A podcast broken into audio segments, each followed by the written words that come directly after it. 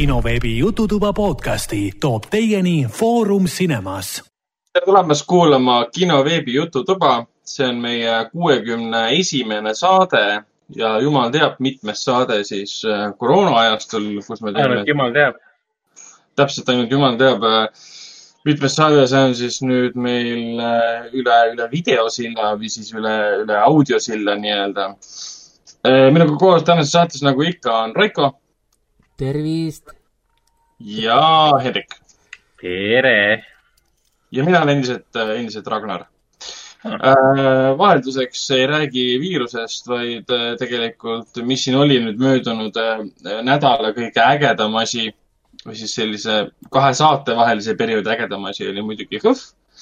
ja ma arvan, et sellega saamegi kohe suure mammutosaga sellest saatest alustada, sest me kõik vaatasime ilmselgelt liiga palju filme HÖFFil, mis oli seekord siis virtuaalne festival, ehk siis kõik istusid kodus ja vaatasid suurematelt või väiksematelt ekraanidelt.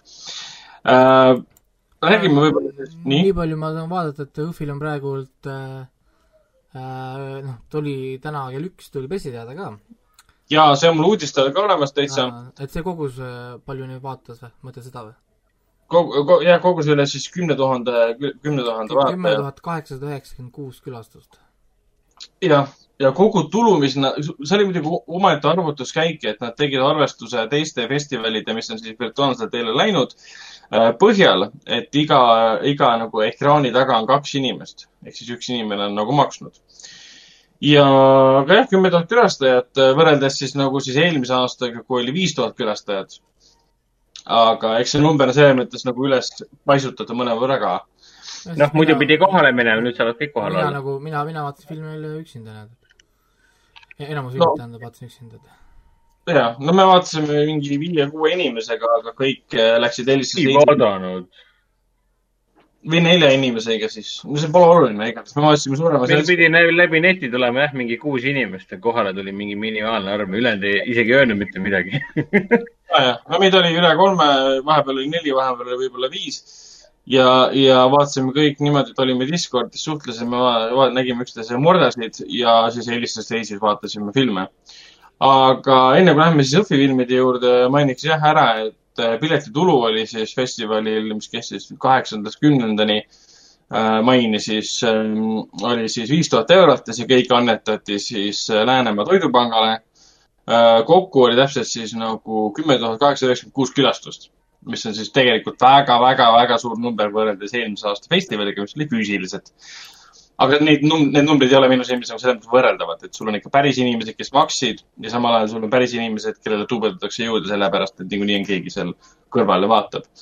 Äh, kolme päeva jooksul vaadati siis äh, kaks tuhat kolmsada kakskümmend kuus korda filme ja kõige huvitavam tegelikult oli see, et kõige populaarsemad programmid või filmid olid lühifilmide programm äh, Väikesed luupainajad, kus oli siis kolmsada nelikümmend seitse vaatamiskorda siis oli meil esilühifilmide võistlusprogramm, kus oli kolmsada kolmkümmend kaheksa vaatamiskorda ja siis oli Tule issi juurde, mis oli siis ka festivali avafilm Come to Daddy, kus oli siis kakssada kakskümmend kuus vaatamiskorda.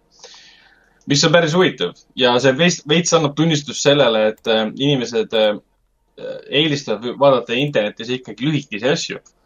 Sest lühifilmid on lühikesed, sa vaatad ühe ära, vaatad kaks tükki ära, sul on pool tundi otsa, otsas, teed pausi, lähed minema mm. -hmm. ja sa ei taha rohkem pausi teha et see on päris, päris lahe, et inimesed vaatasid seda nii palju. see oleks päris huvitav olnud, kui Midsommerit oleks vaadatud kõige rohkem ja, ja. aga mis, mis faktid või faili, asjad siin veel välja võib tuua no, peale selle? publiku no. lemmikfilm oli Surnukooli lood. jah, okei okay., selles mõttes jah, mis on nagu siis meie, meie lemmikud. aga alustame ikkagi Raikoga. aga publi-, publiku lemmik oli ka ju jaa, täpselt. kõik oli jah, surnukuuri, surnukuuri lood. seal oli veel äh, populaar... seesama Neel, Neela ehk siis Swallow ja siis Harri Asteri jaanipäeva täiendatud versioon. kõik need ja. kolm olid siis publiku lemmikud.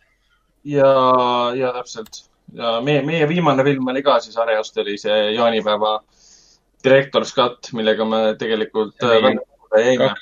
kaks tundi ja viiskümmend üks või viiskümmend minutit me veel reaalselt mõtlesime ka, et pühapäev on käes, hakkad mingi kell seitse vaatama.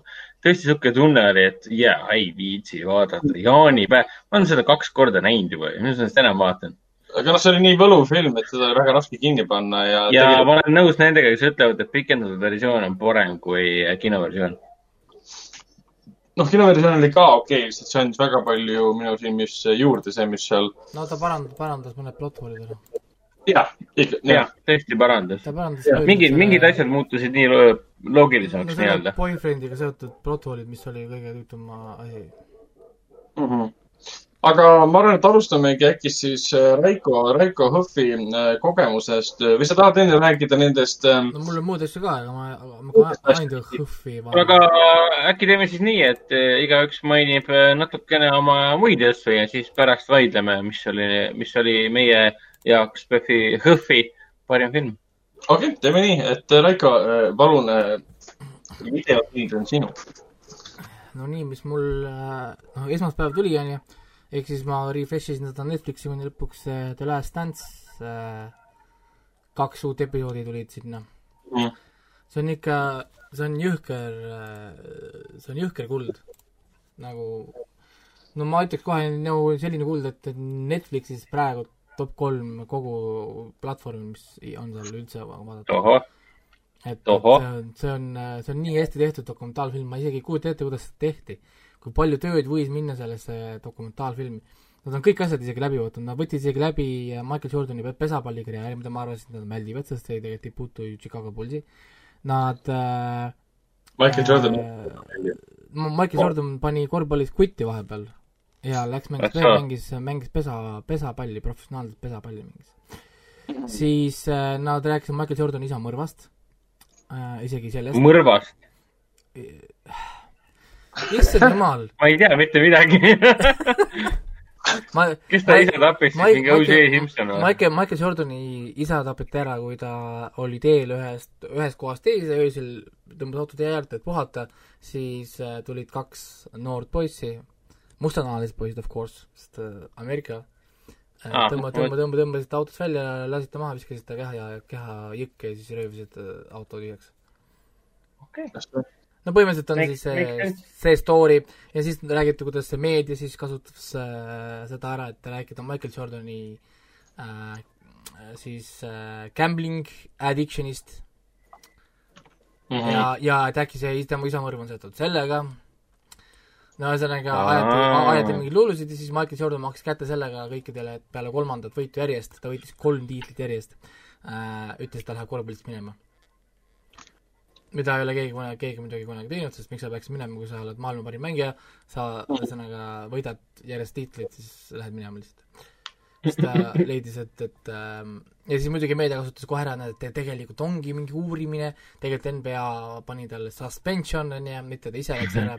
ühesõnaga, kõik asjad on nagu üles korjatud, kõik kommentaarid, kõik inimesed on üles otsitud, äh, kõik noh, mängijad, kõik olulised mängud, kõik olulised momendid, mida mina lapsepõlvest nagu mäletan seoses äh, Chicago Bullsiga, NBA-ga, kõik, kõik on seal, nad on kõik inimesed üles otsinud, isegi Space Jamist räägivad, kuidas Michael Jordan läks tegema Space Jam'i, mida Space Jam'i tegijad pidid tegema, et Michael Jordanit sinna saada, kuidas see protsess nagu oli, mis nõudmised Michael Jordanil olid?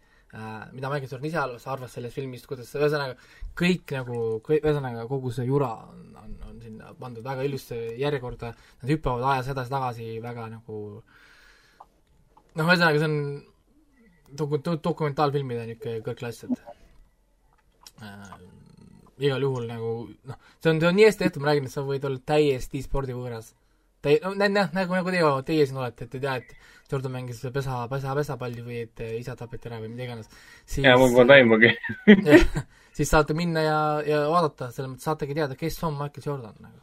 miks, miks temast nagu räägitakse kui maailma parimast sportlasest, kes on kunagi maa peal kõndinud, on ju. Ja, ja, ja sama näiteks, et miks meeskonnakaaslased kirjeldavad teda kui tõbrast, samal ajal ta igal pool ainult võidab ja võidab ja, ja meedia armastab, on ju, ja ja ühesõnaga, siis ta ise annab oma kommentaari ka nendele, miks ta käitus nii, nagu ta käitus äh,, miks nad, ühesõnaga, see on noh, see on väga huvitav, sa vaatad seda, siis silm, silm, silmad punnis, aeg läheb, läheb nii kiiresti ka kogu aeg, et, et mingi kahe osa haaval ka nagu naeritavad, on ju aga siis äh, nüüd see esmaspäev tuleb siis viimased kaks episoodi ongi läbi. kahjuks korra, korraga tulevad viimased kaks äh,. episoodi. ei no nad tulevadki kahehaaval, iga e- esmaspäev tuli kaks tükki, aa, okei, okei, see oli jah teistmoodi tehtud, jah. iga esmaspäev tuli kaks tükki, kuni kümme tükki on siis äh, kokku ja või nüüd siis esmaspäev, mis tuleb, on viimased kaks ja see on veitsa kurb, et tegelikult ma tahaks nagu, et see oleks äh, rohkem ja nüüd ma kohe tahaks, et nad teeksid Lakersist, et nad, kõigepealt nad võiksid teha mitte Last Dance, vaid nüüd nad võiksid teha äh, siis äh, Boston Celticus, Larry Bird. miks Larry Bird oli noh, nagu värgid, siis, siis nad võiks teha meile Lakersist nii-öelda seitsme, seitsmekümnendate Lakers ja kahe tuhandenda Lakers, kui oli Kobe Bryant ja meil oli, ühesõnaga siin ma juba näen siin nii palju stuff'i et, et siin võiks teha päris palju asju, et äh, no Kobe'ist, Kobe'ist, Kobe'ist peab nüüd tegema vist, see on vist nagu kohustuslik lausa. ei äh,, Kobe on ka Kobe on siin olemas täiesti, sest äh, Kobe nagu oli siis veel elus, kui nad äh, seda dokumentaalfilmi tegid ja ka Kobe, Kobe Bryant sai mängida Michael Jordani vastu, Kobe Bryant oli ühe üheksateist, üheksateistaastane kõige noorem läbi aegade, kes on saanud äh, NBA All-Star mängu. Michael Jordan ei teadnud, kes ta on, siis mulle nii meeldis see Michael Jordani kommentaar tollest ajast, kui oli see äh, All-Star mäng, nad istuvad äh, selles riietusruumis. siis Jordan ütleb, ütlebki, Jordan on vana, kolmekümne kuue aastane juba või mis ta oli, kolmekümne viie aastane, ühesõnaga Vana. Äh, spordimaailmas sa oled ko- kolm, kolmkümmend pluss veteran. Siis tema on juba vana tegija ja siis äh, ta ütleb kõigile teistele, kuulge, see uus noor, see uus noor tulija, see Kobe, Kobe või mis, mis, mis ta ütleb, et et tema tuleb ennast äh, siia näitama, ehk siis ta tuleb kindlasti minu järgi, nagu nad kõik tulevad. noh, ehk siis nagu Jord-, Jordani järgi. ma, ma, ma, ma võtan selle poisi ise ja näitan talle, kuidas asjad käivad. ja siis ongi, ta võttiski äh, Jordani, tähendab, Jordan võttiski Kobe üks-ühele ette ja Jordan tegi talle ilusti äh, noorele Kobe'le ära, nagu, nagu, nagu, nagu naksti võttis kõik auhinnad ära ja siis sellest ajast saadik siis Kobe ütles, et Jordan võttis siis Kobe nii-öelda oma tiivale ja hakkas siis teda õpetama kui äh, järgmine superstaar siis. nojah, kahju, et see tema, tema, tema edulugu just niimoodi lõppes, nagu ta lõppes muidugi. no ütleme, ta läks välja nagu tipus. Kas äh, Raiko vist teab rohkem, et kas äh, Kobe Bryanti kohta on ka ilmunud mingisugust äh, noh, sodi? ikka oli just Eri-, Kobe, Kobe'l oli koht eri, eri, ma mõtlen eriti, eriti nüüd, pärast seda momenti. ei, Kobil praegu ei ole, aga ennem oli tal ju pidevalt, tal oli siin äh, petmistega, et ta maksis naiste kinni ja ja issand, ta ümber on olnud, kõikidel on olnud, mis, mitte ainult temal mm., Magic Johnson sai seda aga, aga, aga nüüd tema mineku järel ei ole mingisugust teemat olnud. praegu, praegu ei ole otsid, kaevatakse midagi üles ja hakatakse tagantjärgi rääkima, et ma ei tea, kui mis. oleks olnud äh, niimoodi mis näiteks, et, et näiteks, et ma ei tea, Kobi tütar tapetakse ära või naine tapetakse ära, siis kindlasti hakatakse midagi tõmbama. aga kuna ta ise sai ka surma nagu, siis ma arvan, et äh, see asi äh, nojah, läks- õnneks, õnneks Kobiga ei juhtunud nagu mingi, juhtus mingi pistooliusega, et nagu pärast on see, et nagu äh,, mida, ma ei ole midagi teinud. siis see oli, see äh, oli rööv minu ajas. siis kui ma vaatasin seda, et äh, Last Dance'i nagu äh, nagu ära äh,, siis mul tekkis ilge korvpallifilmide isu ja siis mõtlesin, ma vaatan ära uuesti Like Mike'e, selle vana, vanast heast ajast, kus äh, Lil Bow Wow siis on äh, aa jaa, Lil Bow Wow, jaa, jaa, jaa, on siis, on siis orbude kodus ja neile tuuakse annetuskastiga riideid ja siis ta leiab sealt seest ühed vanad tossud, kus sees on MJ initsiaalid. Kui ta paneb äh, neid jalga, siis esialgu ei juhtu mitte midagi, aga siis need võetakse ära, visatakse elektripoiste otsa, ta läheb nendele järgi, saab äikest ja järgmiseks momendiks avastab, kui ta paneb need tossud jalga, siis ta mängib nagu Michael Jordan. ja, ja, ja ühesõnaga see on päris nagu fun. tol ajal staarid kõik on seal jälle ja, ja, ja väikene Pau siis paneb, paneb seal äh, paneb palli pealt ja ise on meeter neljakümnene, aga noh, suva. onju. Aga selle film oli päris palju halvem, kui ma mäletan, nii et selles mõttes et ikka päris, päris, päris jube päris jube film tegelikult ikka, ikka, ikka jõhker titekas, et äh, eks eks ma olin nagu väike, kui ma, kui ma seda vaatasin, sest täna ma seda vaadata ei suuda. siis äh, vaatasin kohe järgi teised selles mõttes, üks märge, et nagu huvitav vaadata, et filmi tootjaks oli NBA, NBA Entertainment. no eh, see on nagu nii promo, kummaline, et sihuke asi oli teema, et promo. ja, ja siis äh, vaatasin kohe otsa Thunderstruck, mis on siis äh, põhimõtteliselt nagu Like Mike'i nagu ma ei tea, mitte nagu uus versioon, aga põhimõtteliselt nagu koopia, kus kohas siis ka Kas- üks äh, suur, üks, üks poiss, koolipoiss on suur fänn, Kevin Duranti fänn, KD fänn, kes siis Mhm. kaks tuhat kaksteist või midagi sellist, kui Kevin Durant oli teemas, täna ta enam ei ole äh,, siis äh, tema nagu tahab olla nagu, mängida nagu Kevin aga ta ei oska üldse mängida, tal on jube, jube, jube all, noh, olematu talent. siis ta õnnega pooleks satub ühele korvpallimängule, kus ta saab siis võimaluse visata poole ajal äh, seda half-court shot'i või noh, nagu keskväljaku joonelt siis äh, palli saata, kui viskad, viskad sisse, siis saad raha, on ju, kakskümmend tuhat või, või ühesõnaga mingi summa.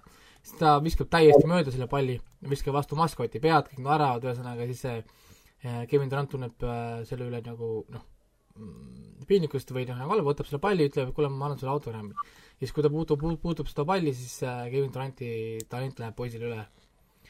ja, ja siis poiss hakkab mängima nagu Kevin Durant äh, keskkooli liigades, asjades, igal pool on ta tõeline superstaar, samal ajal Kevin Durant enam ei oska mängida ja tema NBA karjäär hakkab minema totaalselt äh, noh, nagu allamäge, kõik teevad üle, üle, üle nalja, miks sa enam NBA-s oled, sa peaksid olema kuskil mujal ja ühesõnaga et äh, see on äh, päris palju parem, parem film kui see Like Mike, aga Mhm. miks Kevin Durandist enam midagi kuulda pole? sest ta sai otsa, selles mõttes, et tol hetkel ta oli nagu staar, liiga üks ti- tippmängijaid, aeg läks edasi, tulid muud nimed ja ega nii, niimoodi see käib spordis, tuleb keegi teine, kes on parem kui sina. Ja tol, nii, niikuinii LeBron James oli juba tollel ajal nii, noh, nimeks. Kobe, Kobe tuli, LeBron võttis nagu Kobe positsiooni üle. Ja noh, olgem ausad, LeBron on, on vaese mehe Kobe, tema arvates tema on hull äh, Michael Jordan ja, ja whatever on ju, Kareem Abdul-Jabbar, tegelikult ta pole, pole isegi Kobe, et äh, et jah, meil kahjuks ei ole enam selliseid mängijaid. siis äh, vaatasin ära selle Seinfeldi ähm, kakskümmend, twenty three hours to kill, see Jerry Seinfeldi No. see uus. jah, ma vaatasin selle Netflixi oma Ah, see oi-oi, mul läks päris kaua, päris, päris kaua läks aega vaadata, sest ma pidevalt lihtsalt panin selle pausile kinni, sest ma lihtsalt, ma ei viitsinud seda vaadata. see, ma võrdleks seda mingi Amy Schu-, Amy Schumeri tasemega. Mhm. Et kui ma vaatan Amy Schumeri asju, siis ma aru, et nagu miks sa seal lava peal oled. mina teen ka rohkem nalja kui sina, mul lapsed teevad rohkem nalja kui sina. et, et mu kolm, mu kolme jalaga kass on ka huumorikam kui, kui see jura onju. siis aga milles ta nagu seisneb, et ta on nagu nii vana, ta Äh,, vaata öö-, see, Seinfeldil on tegelikult see olnud, et minu, minu arvates Seinfeld pole kunagi naljakas olnud. ütleme, kui see Seinfeldi show on ju, siis seal ma isegi naeran siin ja seal, sest see on tegelikult hästi kirjutatud show. Aga need vaheklipid, kus ta ise teeb seda stand-up'i, iga show algab ja lõpeb tal ju selle äh, stand-up'iga, pluss ma olen vaadanud tema teisi stand-up'e, siis minu arust need ei ole naljakad. Need on lihtsalt nagu niisugune nagu basic, ma ütleks nagu üldsegi nagu basic, see on selline huumor, mida minu arust nagu iga mu sõber, kellel natuke huumorimeelt on, nagu teeb. see on nagu naljakas teatud situa- situatsioonis, aga see ei ole naljakas kui nagu stand-up'il. see, see on No nii, see on nagu nii tavaline, stand-up'i esineja, esineja poolt ka nagu. et jah, see on nagu nii nagu tavaline, et see on noh, nagu mitte midagi, no tuleb siin lava peale, oo, et abiellumine on ainukene koht, kus kohas minu äh, hääletoon on olulisem kui sõnad, mida ma ütlen. mul on äh,, no jah, noh jah, nii ongi, edasi, Mhm. noh, ja siis nagu saan naerab millegipärast, mul on nagu no, okay. noh. ja, ja, ja terve show ongi niimoodi, ta lihtsalt äh, räägibki oma naisest, oma abielust ja oma äh, lapsest siin ja seal. ja on kõik. et väga niisugune, väga kuiv väga, väga, väga kuiv. ma olin ehk siis tuleb ikka, ikka jälle tuleb tõdeda, et Louis, Louis CK on parim. no Louis CK oli ikka väga hea võrreldes sellega küll jah, et mina olen ise suur Bill, Bill Burri fänn, et hea vend on ka. et, et no enam nii suur ei ole, kui, kui nüüd, kui nüüd Raiko, et mina avastasin Bill, Bill Burri alles siis, kui ta Eestis oli juba ära käinud. me käisime vaatamas ka jah, kui ta siin käis Eestis. käisime mm. -hmm. vaatamas ka, et nad tegid seda, tegid seda Eesti seda nalja selle, mulle meeldis see tema see originaalnali nii-öelda, ma, ma tegelikult tookord, kui ta Eestis tuli, ma olin ta stand-up tegelikult juba veitsa nagu näinud ka, sest see oli sama rutiin. siis äh, mulle meeldisid need, mis ta tegi nagu neid originaalnaljaid Eesti kohta. ehk siis mm. -hmm. seesama, kui ta seisis seal lava peal, ma ei mäleta, mis see oli, Vene Kultuuriteater vist oli või? aa, see võis olla seal äh, selles Nordea kontserdimajas. ma ei mäleta kuskil, kus kohas on seal üleval see suur see Vene mingi sümboolika ja värgid. sa vaatad sinna üles tagasi, näed, et, et eestlased on eestlased on ka valed, et Venemaa on kogu aeg kõrvaline ja Venemaa on agressiivne ja kui nad ükspäev tulevad tagasi, saad näidata, aga me ei puutu midagi, näed, kõik on alles, me kõik jätsime terveks. et, et, ja, noh, et me tegelikult, tegelikult, tegelikult ei ole teinud, vaata nagu ja, et kõik Lenini kujud on alles ja Stalini kujud on alles, et kõik Et- hästi, et me ei ole midagi katki teinud ja et, lammutanud et, midagi. et meil, meil ei ole vaja teha liiga. et ei, see on päris, see on päris andekas tegelikult. siis, siis ma nüüd äh, lõpuks siis äh, andsin alla ja hakkasin vaatama Tiger Kingi. ah, jah, õigus. nii. hakkasin, kusjuures ma hakkasin vaatama seda Hõhve ajal. mul vahepeal vaatasin paar filmi järjest, siis ma tegin pausi, mõtlesin, et persse, ma vaatan äh, episoodi Tiger Kingi siis. sul oli ajuloputust vaja või? Äh, vaatasin vaatasin, Swallow ära, et nope, mul on vaja ajuloputust. vaatasin äh, ühe osa ära, mõtlesin, kuule, see on päris nagu nonsense. see on ikka väga nonsense. ma vaatan ühe, ma vaatan ühe, ühe osa veel, kuhu see, kuhu see läheb, kuhu see saab minna, onju. ja siis, kui ma jõudsin kolmanda e- ep- episoodini, siis ma hakkasin saatma sõpradele Carol Baskini miime. Fuck that bitch. nii see jääb, nii see läheb, nii see läheb, nii see läheb. et see oli päris hea, et saatsin, saatsin sõpradele siin erinevaid miime, et äh, ka Carol, Carol Baskini kohta. ja see oli päris hea, et võtsin jah, et kuradi, terve mingi miimi collection'i tõmbasin, mingi viiskümmend miimi selle Carol Baskini kohta. Mhm, mis sina siis arvad, et kas Carol Baskin tapis oma abikaasa või mitte? kindlasti tappis. Ah. täiesti kindel, see naine on sotsiopaat. sa saad kohe aru, kui sa, kui sa talle silma, silma vaatad, et, et ta võib võtta mis iganes lie, lie detektor testi ja, ja öelda, et tema nimi on Joe Exotic ja lie detektor ei näita mitte midagi. et äh, okei, okei.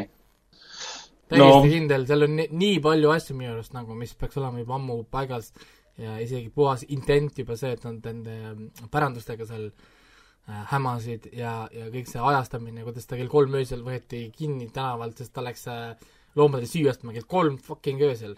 halloo yeah., halloo, koputaks mõnele šerifile, et äh, jaa, inimesed käivad kell kolm öösel ostmas jah, tiiritele süüa, onju ja, ja muidugi see, et tal väga mugavalt, mugavalt teadis, kui sa tahad, et tiigrid, tiigrid midagi sööks, siis tuleb panna sardiiniõli sinna peale ja jah, jah, jah, jah.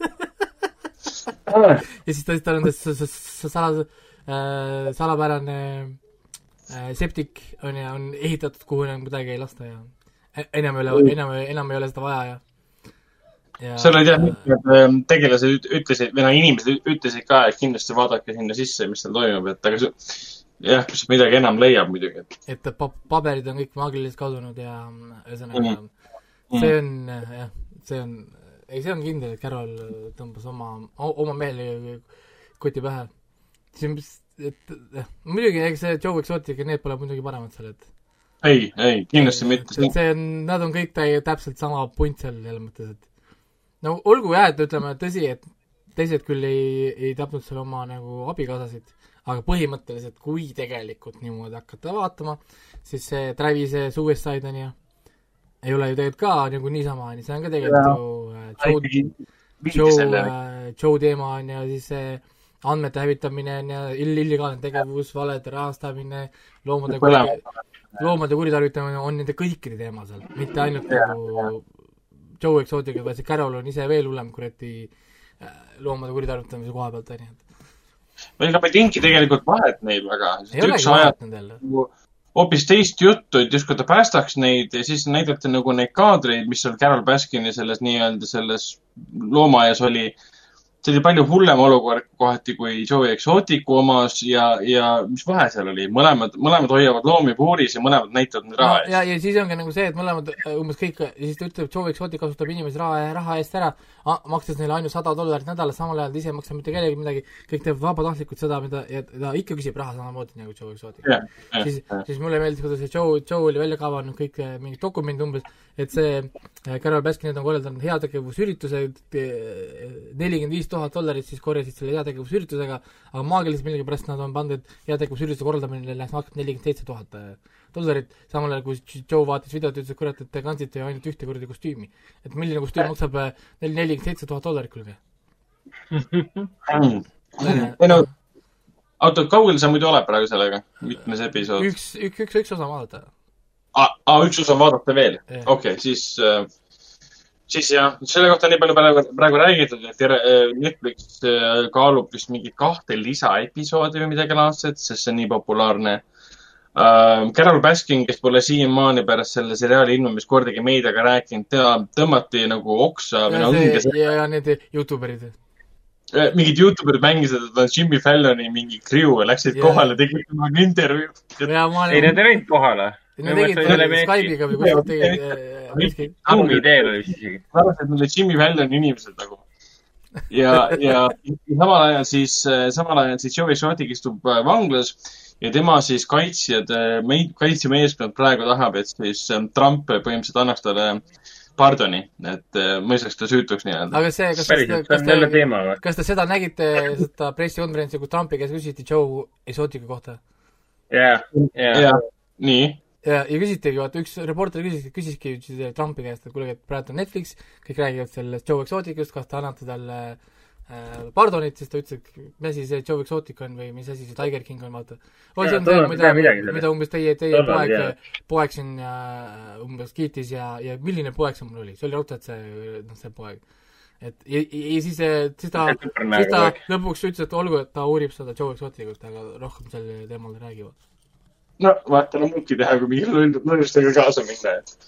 et Aga ei, see- et nagu muidu räägib lollusi ikka Donald Trump, aga nüüd Aga- hakkavad aga see kohtu, ikka aina rohkem need ajakirjanikud rääkima. see kohtu, kohtukeiss on ka huvitav seal muidugi selles Tiger Kingis, et mulle just meeldis see, et nad, et nad nagu samal kohtuprotsessile, peale selle, et ta oli nagu see murder for hire plott, on ju, mille- Mhm. millega ta siis kohtu alla anti, nad koormasid sinna kokku ka kõik need nii-öelda nagu see loomade tapmine ja siis see väärkohtlemine samasse nagu asja alla.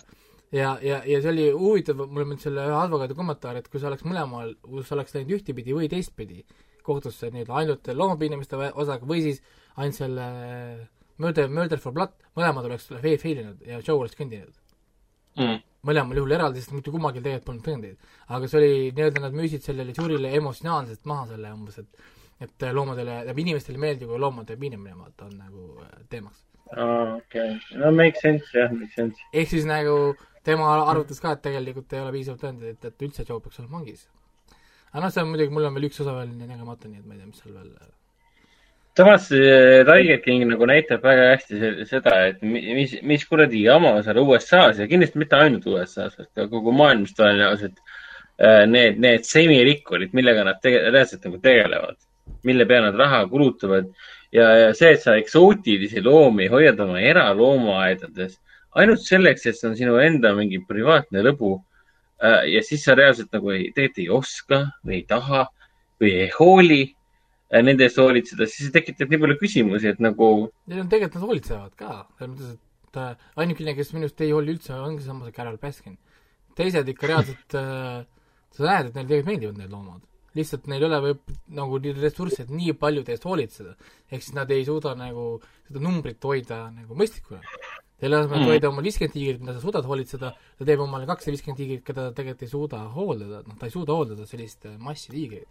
siis sul on Carol kellel on jumalast pooge nendest loomadest tal on nagu, pole mitte ühtegi momenti isegi näinud, et tal oleks nagu natukenegi mingit emotsiooni ei oma mehe suhtes endise ega ka praeguse, varsti tõenäoliselt ka endine, onju.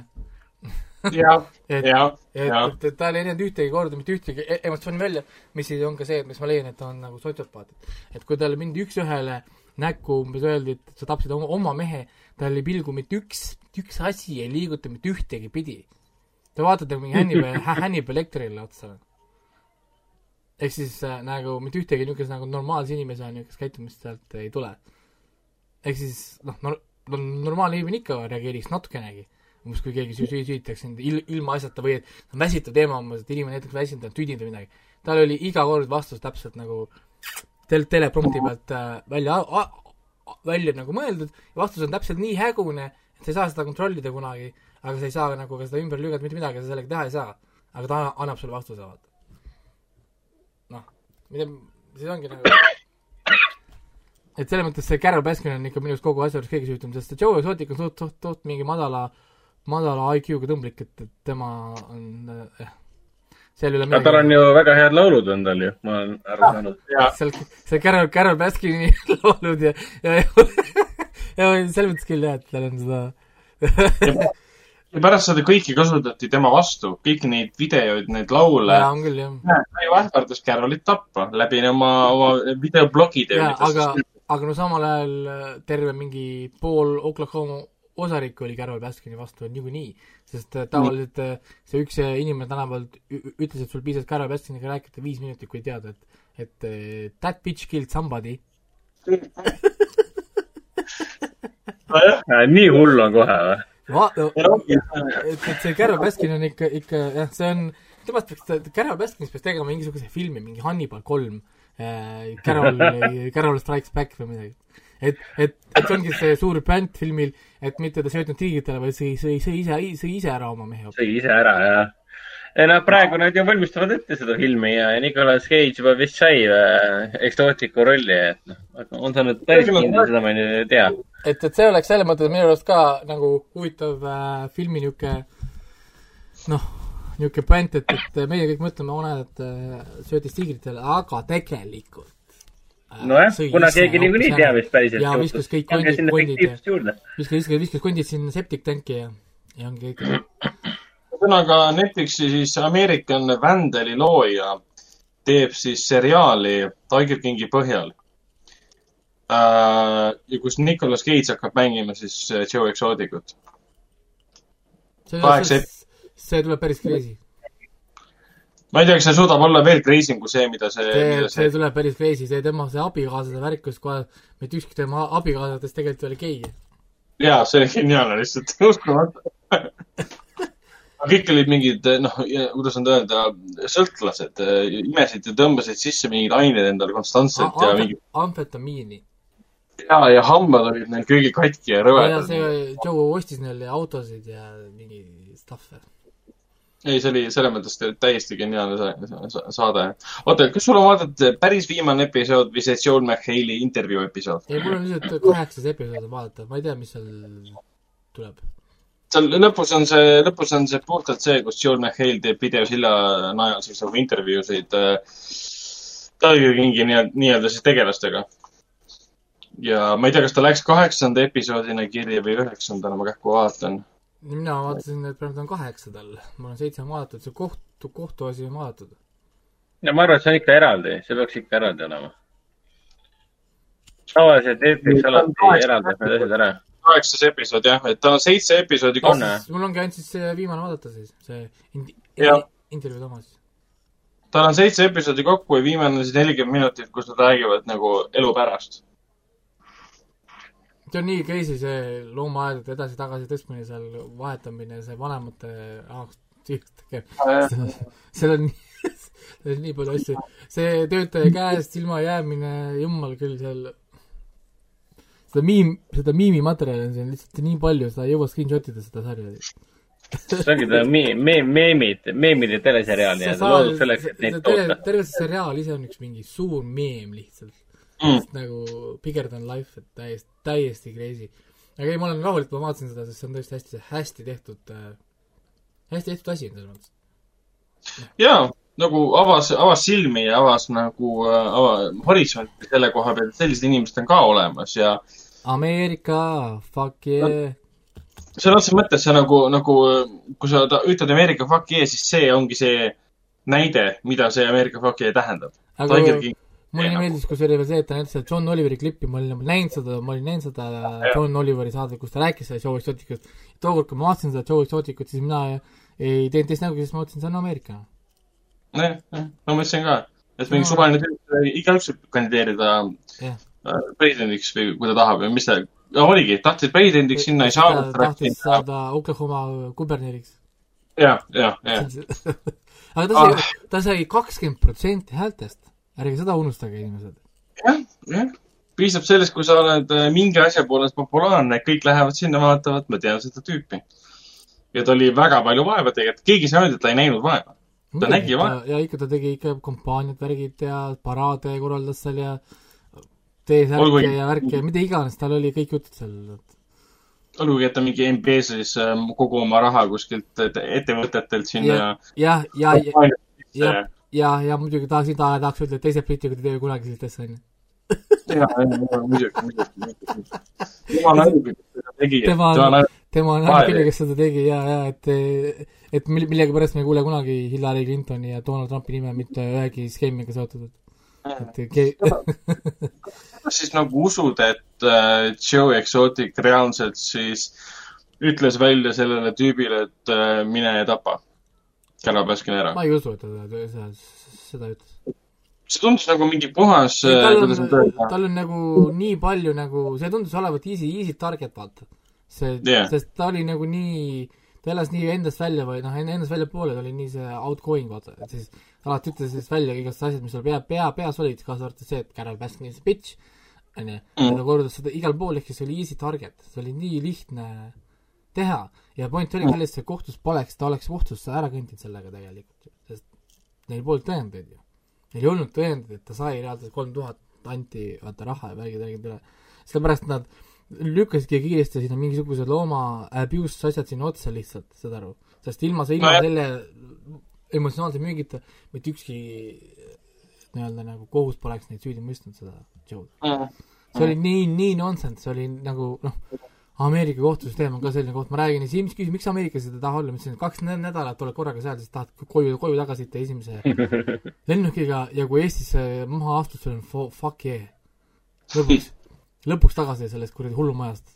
et see on nagu, noh, mina võrdlen ka alati seda Ameerikas käimist sellisena, et sa lähedki nagu hullumajja, korraks on tore käia, ilusad seinad ja võib-olla mõni õu ja toredad laua, lauamängud seal nurgas, aga sa ei taha seal kaua olla seal, selles mõttes, et noh, nagu päike hakkab loojuma, siis tahaks nagu minema minna vaat sealt. et, et see on nagu rohkem külas, külaskäigu riik kui no ongi, sa käidki korraks seal külas, näiteks kui mul oleks miljonär, ma teeks samamoodi kõik, kõik miljonärid, ostad omale mingisuguse Uberi, Härberi kuskil L-isse või ma ei tea, Santa Monicasse kuskil sinna randa ja siis käid seal ainult su- suitamas, aga tõmbad kohe nahku sealt, kohe kui mingi teema on, esimese lennuga lihtsalt oled kohe Londonisse või kuskile mujale ja ongi kõik.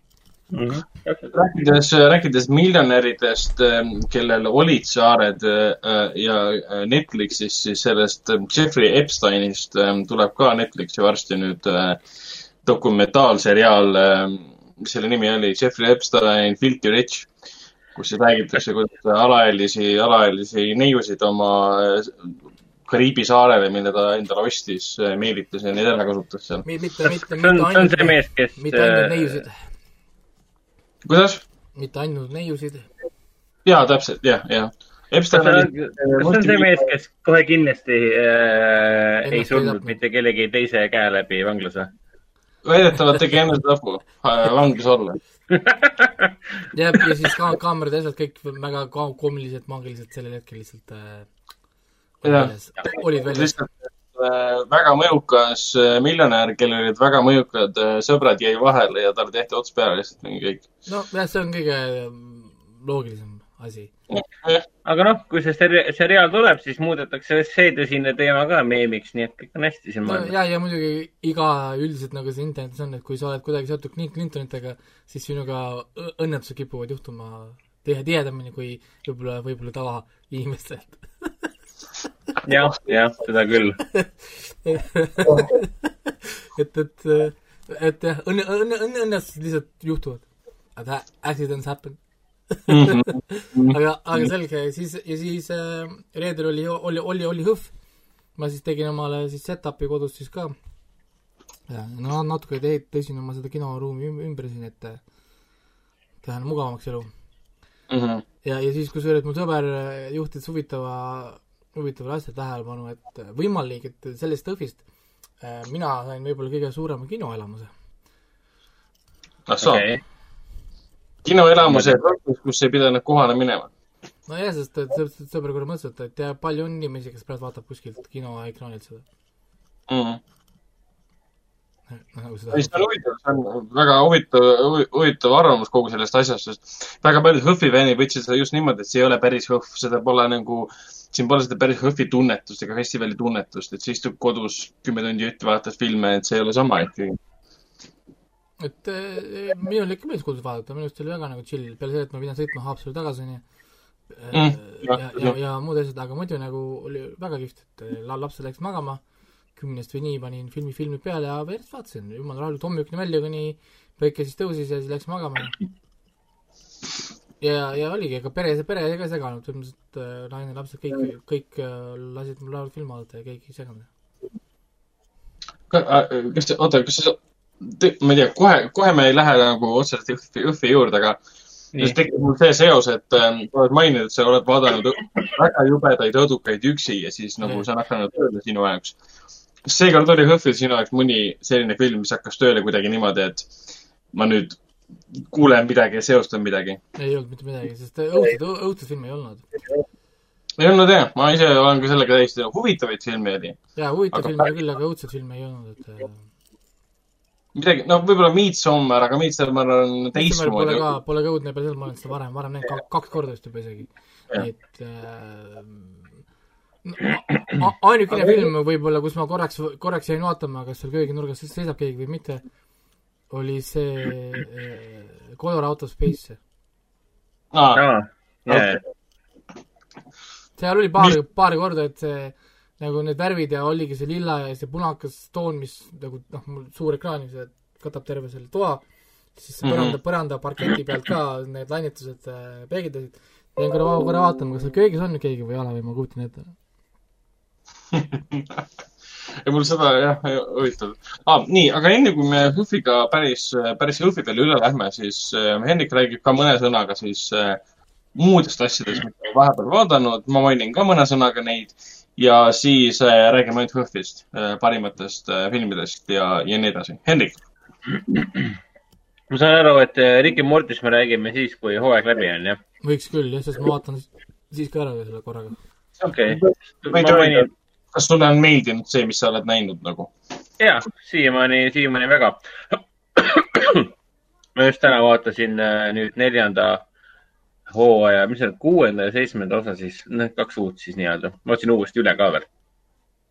mõlemad väga meeldivad ja, ja täielik, noh, täielik tulevane klassika.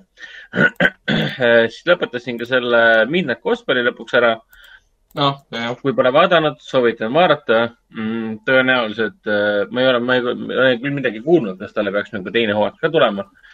aga et mida osavate lõpupoole, seda isiklikumaks ta läheb, tundub vähemalt.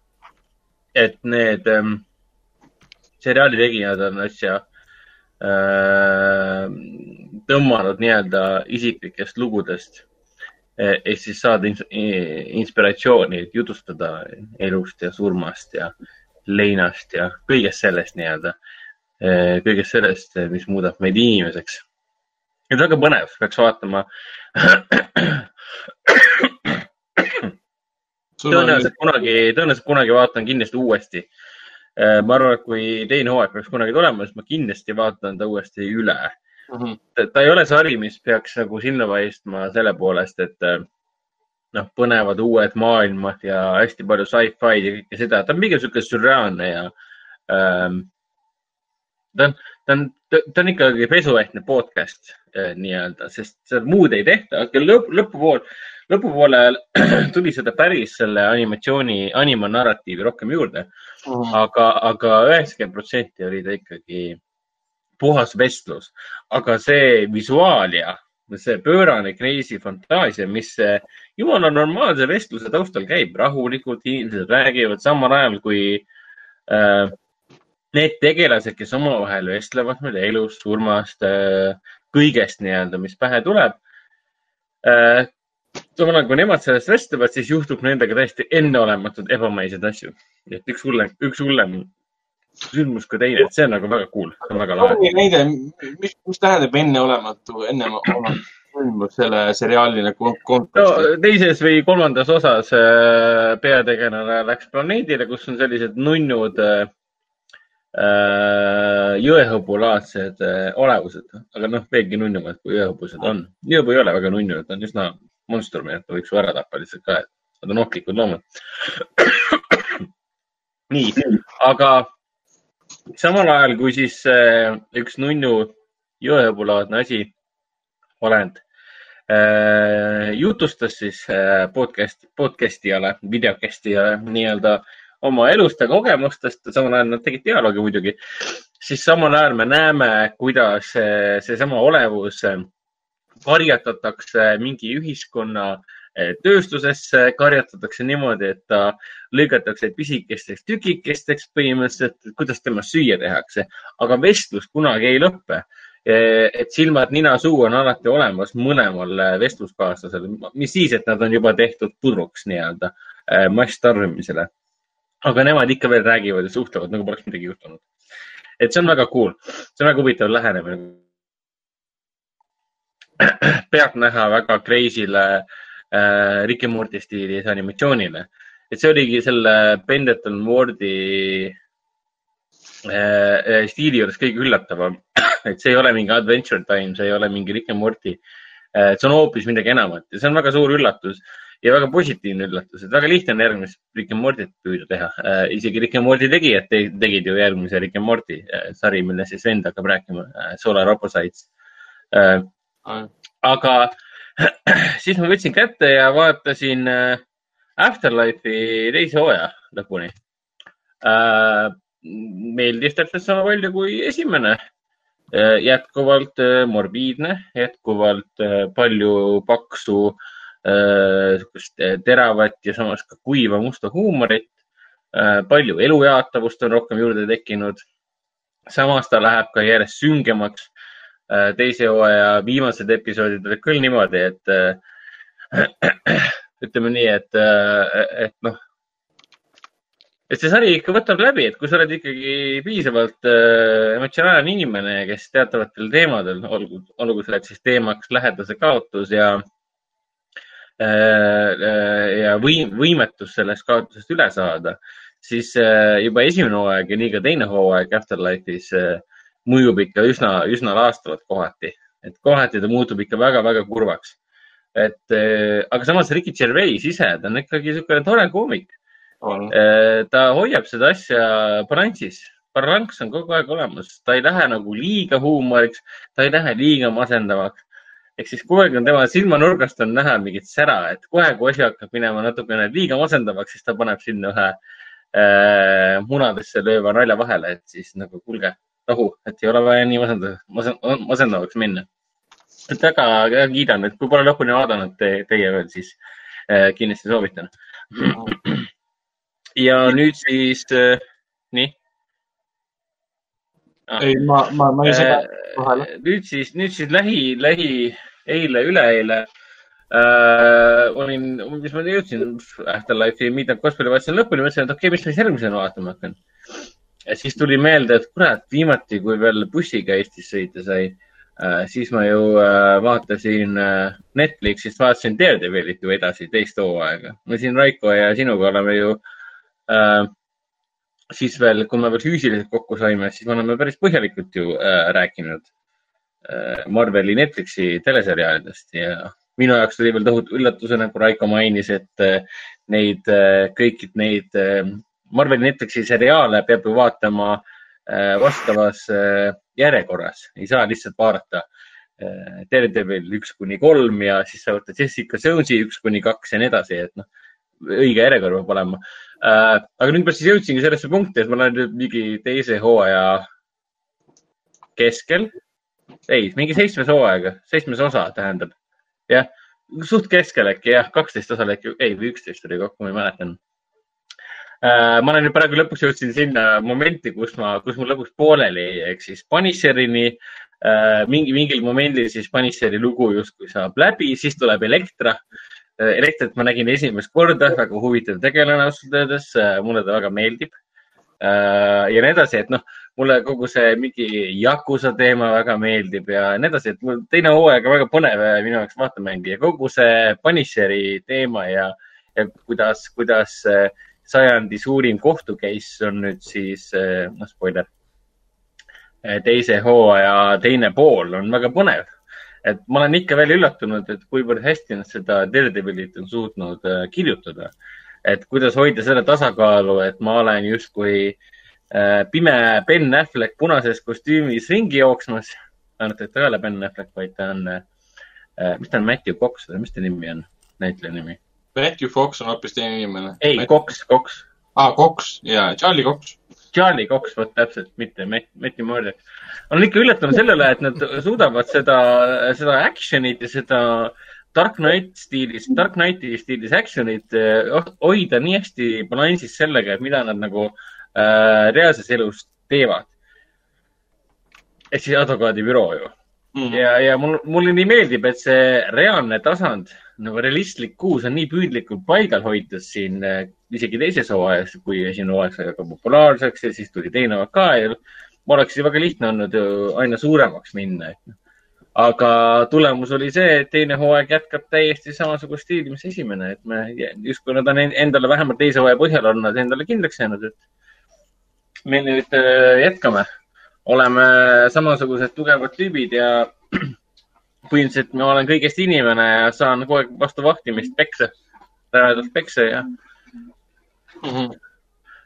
ja, ja kogu aeg äh, seesamas tema, tema partnerid ja kaaslased on hästi õnnetud kogu aeg, sest põhimõtteliselt nende ülemust või noh, nende parimat sõpra pole kunagi kohapeal ju. et muud ei tee, kui saab kuskil peksa saavat panisserit või elektriga kedagi tagumas, nii et teises hooajas kõik tema sõbrad teavad, et ta on Daredevil, eks? ei tea. ei, ainult, ainult Fogi, see naine ei tea. ainult Fogi teab, aga naine teab ka ju, ei tea ei või? tea. ei tea, ei tea, ei tea, ei tea. ära spoil'i, sa spoil'id. ära spoil'i jaa, mis asja, mis sa küsid, Anne? ei, ma ma olen ainult esim-, teist hooaega vaadanud ainult selle kohani, kus äh, Daredevil ja siis Punisher peksid üksteist surnuaias, rohkem ei ole seda vaadanud. ei, nad ei peksnud sulle, sa ajasid juttu seal. selleks No, momendiks teadis alles Fogi, sest Fogi oli reaalselt näinud äh, äh, Matti Daredevilina äh, poolsurnuna nii-öelda, oli vist see. igatahes äh, ma olen nii õnnelik, et ma lõpuks võtsin selle südamerinde ja vaatan nagu seda Daredevilit edasi. mulle kohutavalt meeldib see stiil, ta on nii realistlik, ta on nii mõnus, ta on nii, ta on nii Dark Knight, see on ka põhjus, miks ta mulle väga meeldib. et kui sulle meeldib sihuke Dark Knightilik lähenemine äh, superkangelastele, siis Daredevil äh, ei ole mitte kuidagi Marvel. Daredevil on puhas DC, ütleme niimoodi. siis ta peaks ära vaatama selle Teen Titansi. ja ma olen seda pikka aega tahtnud vaadata kusjuures. see tundub väga põnev. okei, aga siis äh,. Ah, nii võrra veel ütleks, et Elektra mulle väga meeldib äh,. ma olen isegi üllatunud, et mulle meeldib. alguses ma mõtlesin, et ta on mingi suvaline tegelane, kes lihtsalt topitakse sisse selleks, et noh, kus seal, kus on tee, Daredevil, seal peab ka Elektra olema. aga see näitleja on äh, väga äge, kurat, kes seda mängis, kas see on mingi Elodie Young või keegi vist oli või? ma ei ole päris kindel.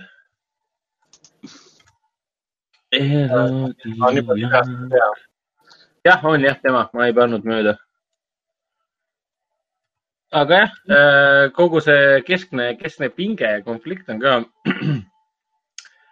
ma olen teise hooaja keskel ja siiamaani ma ei tea seda suuremat pilti. aga asjad nagu hargnevad kogu aeg, mis on väga positiivne, et ei olegi vaja nii kiiresti kõiki kaarte ära anda. nii, aga siis eh, rohkem ma ei olegi midagi oodanud. mm,. okei okay., mina jätkan endiselt Lostiga. praegu olen siis viienda hooaja kümnenda episoodi juures umbes. Et kokku on seal kuusteist episoodi, et siis on ainult ü- üks hooaeg vaadata uh,. viies hooaeg on siis see hooaeg, kus uh, nad hüppavad siis, saar on, saar, saar, saar on tegelikult ühe koha peal, aga tegelikult hüppavad ajas Hmm. me näeme, näeme selle saare ajaloo erinevaid peatükke. et me ühe, ühel hetkel satume siin, satume isegi sellisesse iidsesse aega, et kui te mäletate, siis vist teises või kolmandas hooajas nad läksid paadiga ümber saare ja nägid seal väga suure iidse kuju jalgu. jah, jah, ma mäletan jah. viib nad hästi kaugele, siis me näeme, et kuju on olnud. aga sinna nagu seriaal muidugi ei jää, vaid hüppab kohe edasi. ja, ja viies hooaeg on selles mõttes lahe, et ta on, ta ei mõju kiirustatuna, aga ta, sündmused liiguvad kiiresti. või tähendab pigem, et ühe, ühe jõutakse väga palju ära teha. Et veits mul nagu vastupidised emotsioonid just, et esimene, teine ja kolmas hooaeg olid kakskümmend neli või kakskümmend üks, kakskümmend kaks episoodi ja see veits andis tunda, et sul oli väga palju tegelikult aega selliseid filler episoode teha. aga samas esimese ja teise hooaja filler episoodid, just sellised episoodid, mis arendasid karakterit, need nagu töötasid. aga mingil hetkel tulid siuksed suvakad episoodid sisse, mis väga nagu ei liikunud, ei liigutanud lugu kuskile edasi. aga viiendas on niisugune tunne, et tempo, tempo, tempo, aga samas iga episood suudab no sa vaatad oh,, ma olen tõesti nelikümmend minutit seda vaadanud see tunne, nagu ma olen kaks tundi vaadanud, see sisu on niimoodi huvitav ja põnev. ja, ja viiendas hooajas on jah see, et siis, äh, millega see kõik alguse sai, et äh, Ben läheb saarelt minema äh, lükkab selle iidse kangi, mis on Orchid Stationis seal maa all edasi, teda, tema viiakse siis pärismaailma tagasi nii-öelda ja ülejäänud jäävad siis saarele ja vahepeal on siis Jack Sawyer, see Jack Sun ja teised ära läinud saarelt ja Kate. Ja siis saar hakkab ajas hüppama. see kõik peatub, kui Locke otsustab, et tema peatab saare hüppamise läbi selle, et ta läheb tagasi sinna Orchid Stationisse kuskil suvalises ajahetkes, kus seda orhi-, äh, orhidee jaama pole veel ehitatud, peab kuskile sügavale maa alla minema läbi äh, vana kaevu põhimõtteliselt ja murrab seal jala ära ja siis talle tuleb see Jacob vastu, kes on miskipärast Richardi välimusega. Richard oli siis see Jacki isa ja kõik siuksed asjad ja siis ta satub tänapäeva ja teeb selle eneka ja siis ta ei tee enekat, sest Ben on see, kes ta tegelikult ära tapab, kõik arvavad, et ta tegi eneka ja siis on, läheb kõik saarele tagasi ja, aga Lokk on surnud ja siis Lokk ei ole surnud, et ta miskipärast uuesti elus ja siis tegelikult tuleb meelde vaikselt vist Jacobal läks tema sisse, et äh, kogu selle seriaali point on nagu selles, et kõik inimesed peavad tagasi saarele tulema, sest seal võitleb kogu aeg headus ja kurjus ja, ja head, kurjus, tähendab, headus otsib uut keha nii-öelda, uut saare tasakaalu hoidjat. ja kui ta seda ei leia ja kui kurjus tapab kõik need kehad, kes võiksid selle rolli üle võtta, need inimesed, siis äh, kurjus võtab üle. ja ma ei tea, mis see tähendab, et kas siis kurjus vallutab maailma või kas tekivad ka kaos maailmas või seda kunagi ei selgitata, mis see tähendab, et kui kurjus võidab, mitte midagi öelda. lihtsalt öeldakse, et ta ei tohi võita. Ja ma mäletan, et kuuendas hooajas seda ka ei selgitata, lihtsalt on kurjus, me peame ta võitma, on kõik. nagu, kas see tähendab seda, et maailmas kõik inimesed surevad või ma ei tea. kuigi no., kuigi see on vist see teema, et sa oled selleks ajaks nii ära investeerinud sellesse no, investeerunud nii-öelda, et sa oled nii hoolid juba kõigest sellest, et sulle piisab sellest, et sulle öeldakse, jah, kurjus tuleb. me peame seda kinni hoidma. aga viienda hooaja keskel lihtsalt see asi nagu peatub, see hüppamine ajas, nad jäävad seitsmekümne neljandasse aastasse kinni. Äh, Sawyer, äh, Miles oli see mm, Aasia päritolu härrasmees, kes äh, tun-, tunnetas neid vaime ja kõike seda. jäävad seitsmekümne neljandasse aastasse kinni ja, ja lugu narratiiv hüppab kogu aeg siis kolme erineva aasta vahet. ja on elavadki kolm aastat. Tarmas eas, kes seitsekümmend neli alles Tarma sinna oli nagu saabunud, alles ehitasid asju, nad elavad seal oma tavalist elu. Ja siis kolm aastat hiljem tulevad siis Jack ja teised Glockiga tagasi, aga nemad tulevad aastast mingi kaks tuhat kaheksa lähevad tagasi lennuki peale, mis lõpetab aastast seitsekümmend seitse, saavad uuesti seitsekümmend seitse kokku omavahel. Ja, ja sa vaatad seda, tihtipeale mul on see, et mul panen pausi, vaata, mis mõttes kolm aastat varem, millest nagu, sa mõtled kogu aeg, mis, mis kamm siin tegelikult toimub. Ja sa hakkad selle peale mõtlema ka, et seal on see, see Faraday nimeline teadlane, kes kogu aeg selgitab, et minevikku ei saa muuta, mis juhtus, see juhtub ja kõik siuksed asjad. ja, ta oli see peenike tüüp, eks, see hästi lahe näitleja. ja, aga kui sa oled minevikus ja elad minevikus, siis see reegel kehtib, mis juhtus, see juhtub. See on, see on tegelikult selles mõttes huvitav, et ähm, äh, füüsikalises mõttes äh, ma korraga segan vahele, vaata, kui ta ütleb, et minevikku saab muuta, siis tegelikult saab muuta, sest kui mina lähen minevikku, siis minu minevikku minemine on minu tulevik, mina oma tulevikku saan al al alati muuta. no, noh, jah. ehk siis äh, selles mõttes, et a la kui mina täna olen, ma ei tea, kaks tuhat kakskümmend, homme lähen ma tuhat üheksasada kuuskümmend, siis mina saan muuta sündmust tuhat üheksasada kuuskümmend, sest see on minu tulevik. seda pole juhtunud no,, täna pole seda veel juhtunud, sest ma pole sinna veel läinud sest aeg mm. ei ole lineaarne mõiste. Täpselt ja seal tegelikult see Faraday selgitab ka, aga seal meelega jäetakse see nagu krüptiliseks. ta ütleb kõigile, et me ei saa minevikku muuta. mis juhtus, see juhtub. aga ta ei ütle seda, et aa, me oleme nüüd minevikus, me tekitame selle, mis juhtus, mis juhtub me oleme osa minevikust, me mõjutame tulevikku. aga seda ta neile ei selgita, ta ütleb kõigile, et ei saa minevikku muuta. aga kui sa oled osa minevikust, siis sa juba muudad seda tegelikult aga seda ta neile selgitab, see tekitab hästi palju siukseid äh, nagu probleeme ja üldse mulle üldse ei meeldi see, et tegelased saavad üle pika aja kokku, üks teab mida, midagi, mida teine ei tea ja nii edasi. keegi räägib. ja rääkige omavahel läbi kõik, mis toimub, mis aasta on, kes sa oled, mis sa teed. keegi, ei, kohe on vaja kuskile džunglisse joosta, kohe vaja tulistada midagi ja keegi midagi ei tea ja siis mingi valearusraamatused tekivad. see oleks ju, kuidas äh, iga film ja videomäng saaks ära rikkuda, kui tegelased omavahel räägiksid jah, täpselt. siis Kui kohe kohe kohe enam ei toimiks mitte midagi, sest kõik tegelased ei saa omavahel rääkida, action on kõige tähtsam. äh, ja alles action'i käigus pead sa aru saama, mis toimub, aga enne seda oled sa juba oma fataalsed vead juba ära teinud. no täpselt, impact oleks veelgi suurem. selle Lostiga oli niikuinii kunagi see, et seesama, mis iganes see nimi oli, kes nende kummitustega saab, saab rääkida, vaata. ja Äh, Miles või mis iganes see nimi oli, ma, ma, ma ei mäleta enam. Et kui see sari sai läbi, kõik rääkisid, oh, nad tegelikult olid terve aeg surnud, onju, mul on see, et äh, ehk siis surnud rääkis surnutega või? jaa, nagu see ei ole enam et, loogiline. et, et kuidas, kuidas siis see nagu toimib, et ta ju räägib ju vaimudega, mis eeldab, et seal on inimesed, kes on surnud.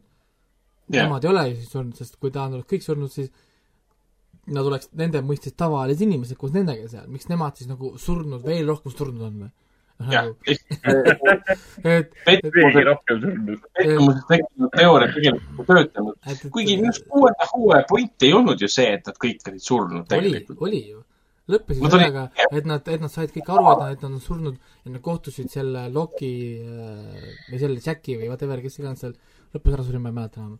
tema seal matustel ja nad kõik, kõik leppisid sellega, et nad on tegelikult juba surnud. aga nad olid surnud palju aega hiljem pärast saare sündmusi. Nad said nii-öelda afterlife'is kokku. Nende hinged tänu sellele, mida nad saare korda saatsid. see oli nagu pärast saare sündmusi, kus oli suur võitlus Jacki ja Loki vahel. no kui nad jälle see, see saar, see saar oligi Afterlife seal.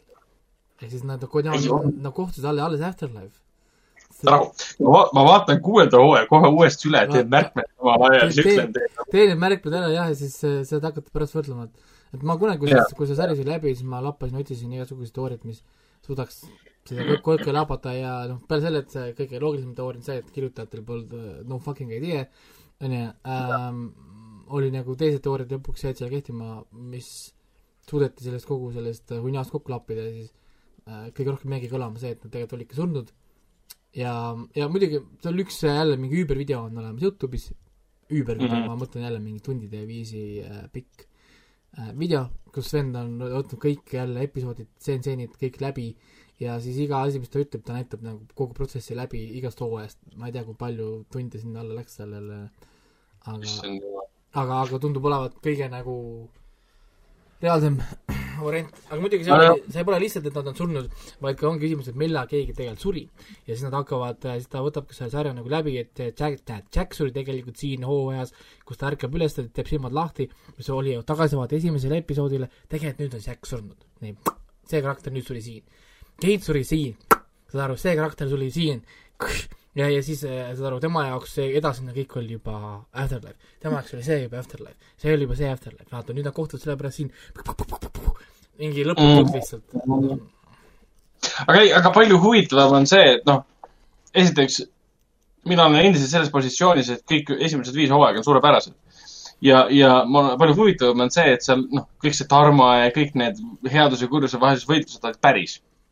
see on palju ägedam. ehk siis ma tahaksin nagu, kui ma olen kuuenda hooaja lõpetanud, ma hakkan ka otsima neid vanu artikleid välja, kus siis te, Damon Lindelof ja, ja siis Carlton Hughes selgitavad oma loogikat. selgita Kõik. meile, mida sa tegid. mingit artiklit ma lugesin ja, ja tüübid äh, pärast siis kuuenda hooaja nagu finaali rääkisid umbes niimoodi, et ja siis tele, see telekanal pöördus meie poole, kuule, meil on vaja blockbuster seriaali, mõelge midagi välja, see on mingi, okei okay,, inimesed saarel, mis nad teevad seal? Uh,? panid esimese hooaja paika ja hakkasid filmima, kulutasid asja peale raha, siis mingi, kurat, see on mega populaarne, mis me nüüd teeme? lihtsalt jah, sinna asju juurde kogu aeg, aga samas see on ka päris suur saavutus, et sa suudad, suudad jooksvalt kokku kirjutada natukenegi nagu arusaadava narratiivi, no mis tundub lahe ja eriline ja teistsugune. ei no see on see, et sa, et sa ühte asja lõpeta ära, vaata. ehk siis Jah. sa alati jätad kõik asjad nagu, nagu, nagu lahtiseks, aga nüüd nagu poollahtiseks. ehk siis sa kiri kirjutad samamoodi nagu Carol Baskin räägib, et, et, et sul on alati võimalus oma, oma, oma, oma asja muuta, jah, jah, tõsi, tõsi. Aga ei, nüüd ma jah, jooksen, jooksen, jooksen lõpuni selle äh, Lostiga ja siis ma jagan oma muljeid. Ricky Mortit olen vaadanud, ootan, ootan Raiku arvamust sellest, sest äh, see on äge. ja, ja võtsin siis äh, Solar Opposites ette, mis küll Eestis otseselt saadaval selle ei ole. esimesed kaks episoodi vaatasin ära, kõik episoodid on väljas. mis on siis Justin Roilandi, ühe siis Ricky Morti looja uus seriaal ta on väga sarnane Rick ja Mortile ja ta on väga sarnane sellele samale Justin Roilandi abil loodud mängule, see mm, Trover Saves the, Trover Saves the Universe, mis oli minu arust suurepärane, fantastiline mäng, eelmise aasta parim üks ähm, ja selle põhimõtteliselt ta, no väga lihtne lugu, ta on veits nagu Family Guy'lik, et sul on üks perekond, kes sattus miskipärast maale erinevatel põhjustel, tulnukad siis, ja üritavad seal inimeste hulgas hakkama saada, samal ajal tahavad siis äh, planeedilt äh, Maa nagu lahkuda ka, aga nende kosmoselaev katki. Ja kui nad on nii teistsugused, arusaamad on niivõrd teistsugused, siis see kõik need viib need korduvalt nagu jaburatesse olukordadesse. aga kuna ta on Justin Roilandi seriaal ja kuna ta sarnaneb Rick and Morty'le, siis ta on ropp ta on verine, ta on vastik, ta on täiesti süsimushuumor kohati. et äh,. kas, kas ta on nagu sellises äh,, kuidas seda öelda, harjumuspärases formaadis või? tänu, tänu sellele, et ta on kuidagi sit, sitcom justkui äh,, justkui, justkui ühest perekonnast mitte otseselt, ta on pigem, ta meenutab võib-olla Rick Morty nagu esimest äh, hooaega, enne kui ta läks nagu haigeks, metaks kätte ära, kus ta hakkas seal mingit narratiivi lahti õmblema ja siis äh, fännide teooriaid lahti arutama. ta rohkem meenutab seda Rick and Morty't kes siis, kui Rick and Morty veedavad rohkem äh, äh, Rocki, selle, Ricki, Ricki tütre ja, ja Morty, Morty vanematega ja õega sul on need tulnuka perekond, kelle erinevad liikmed satuvad siis ähm, vastavalt episoodile erinevatesse seiklustesse et seal on siis äh, lapsed nii-öelda ja siis on ähm, kaks äh, meestulnukat. Äh, üks on siis tema parim sõber ja erinevatel põhjustel, ma ei hakka selgitama ära, miks nad sinna maja sattusid. ja noh, need lapsed on ka tulnukad täiesti selles mõttes, et keegi koolist kiusab neid näiteks, siis neiu siis muudab selle kiusaja hästi väikseks ja paneb elutuppa, magamistuppa endale seina külge on ehitatud selline akvaarium, kus paneb selle väikse inimese sisse, et nüüd sa oled siin ja kui kästakse seda tagasi suureks teha, siis äh, see väike inimene kiusa ja siis karjub, et ma annan sulle peksa ja siis nad kallavad, lõikavad ajud lahti, katsuvad seda tükk aega sõrmedega ja siis kallavad sinna Coca-Colat peale, et vaata, kuidas ta muutub ainult lollimaks ja kommenteerivad, et aa, huvitav, et inimesed Coca-Colat joovad, siis kallavad talle otsa ajudesse, seda muutub ainult lollimaks. Et seal on siuksed lahedad, lahedad huumorimomendid ja noh, kasvõi see, et nad. lahedad noh, kuidas võtta, et tulnukad vaatavad äh, ameeriklaste inimeste nagu televisiooni näevad seal ühte nagu sellist äh, laste telesaate kangelast, mingi karvane elukas. ja nad arvavad, et ta on päris. ta on tegelikult animeeritud äh, saate jaoks.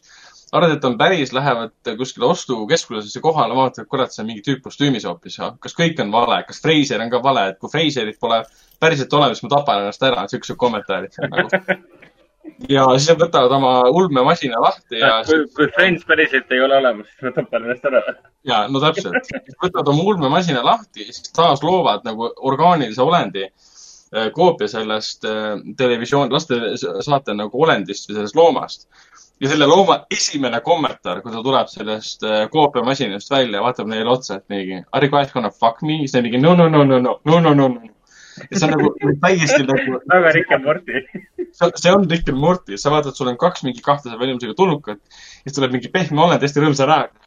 nägu läheb kurvaks mingi, poolkurjaks mingi. Are you guys gonna fuck me? mingi no, no, no, no, no, no, no.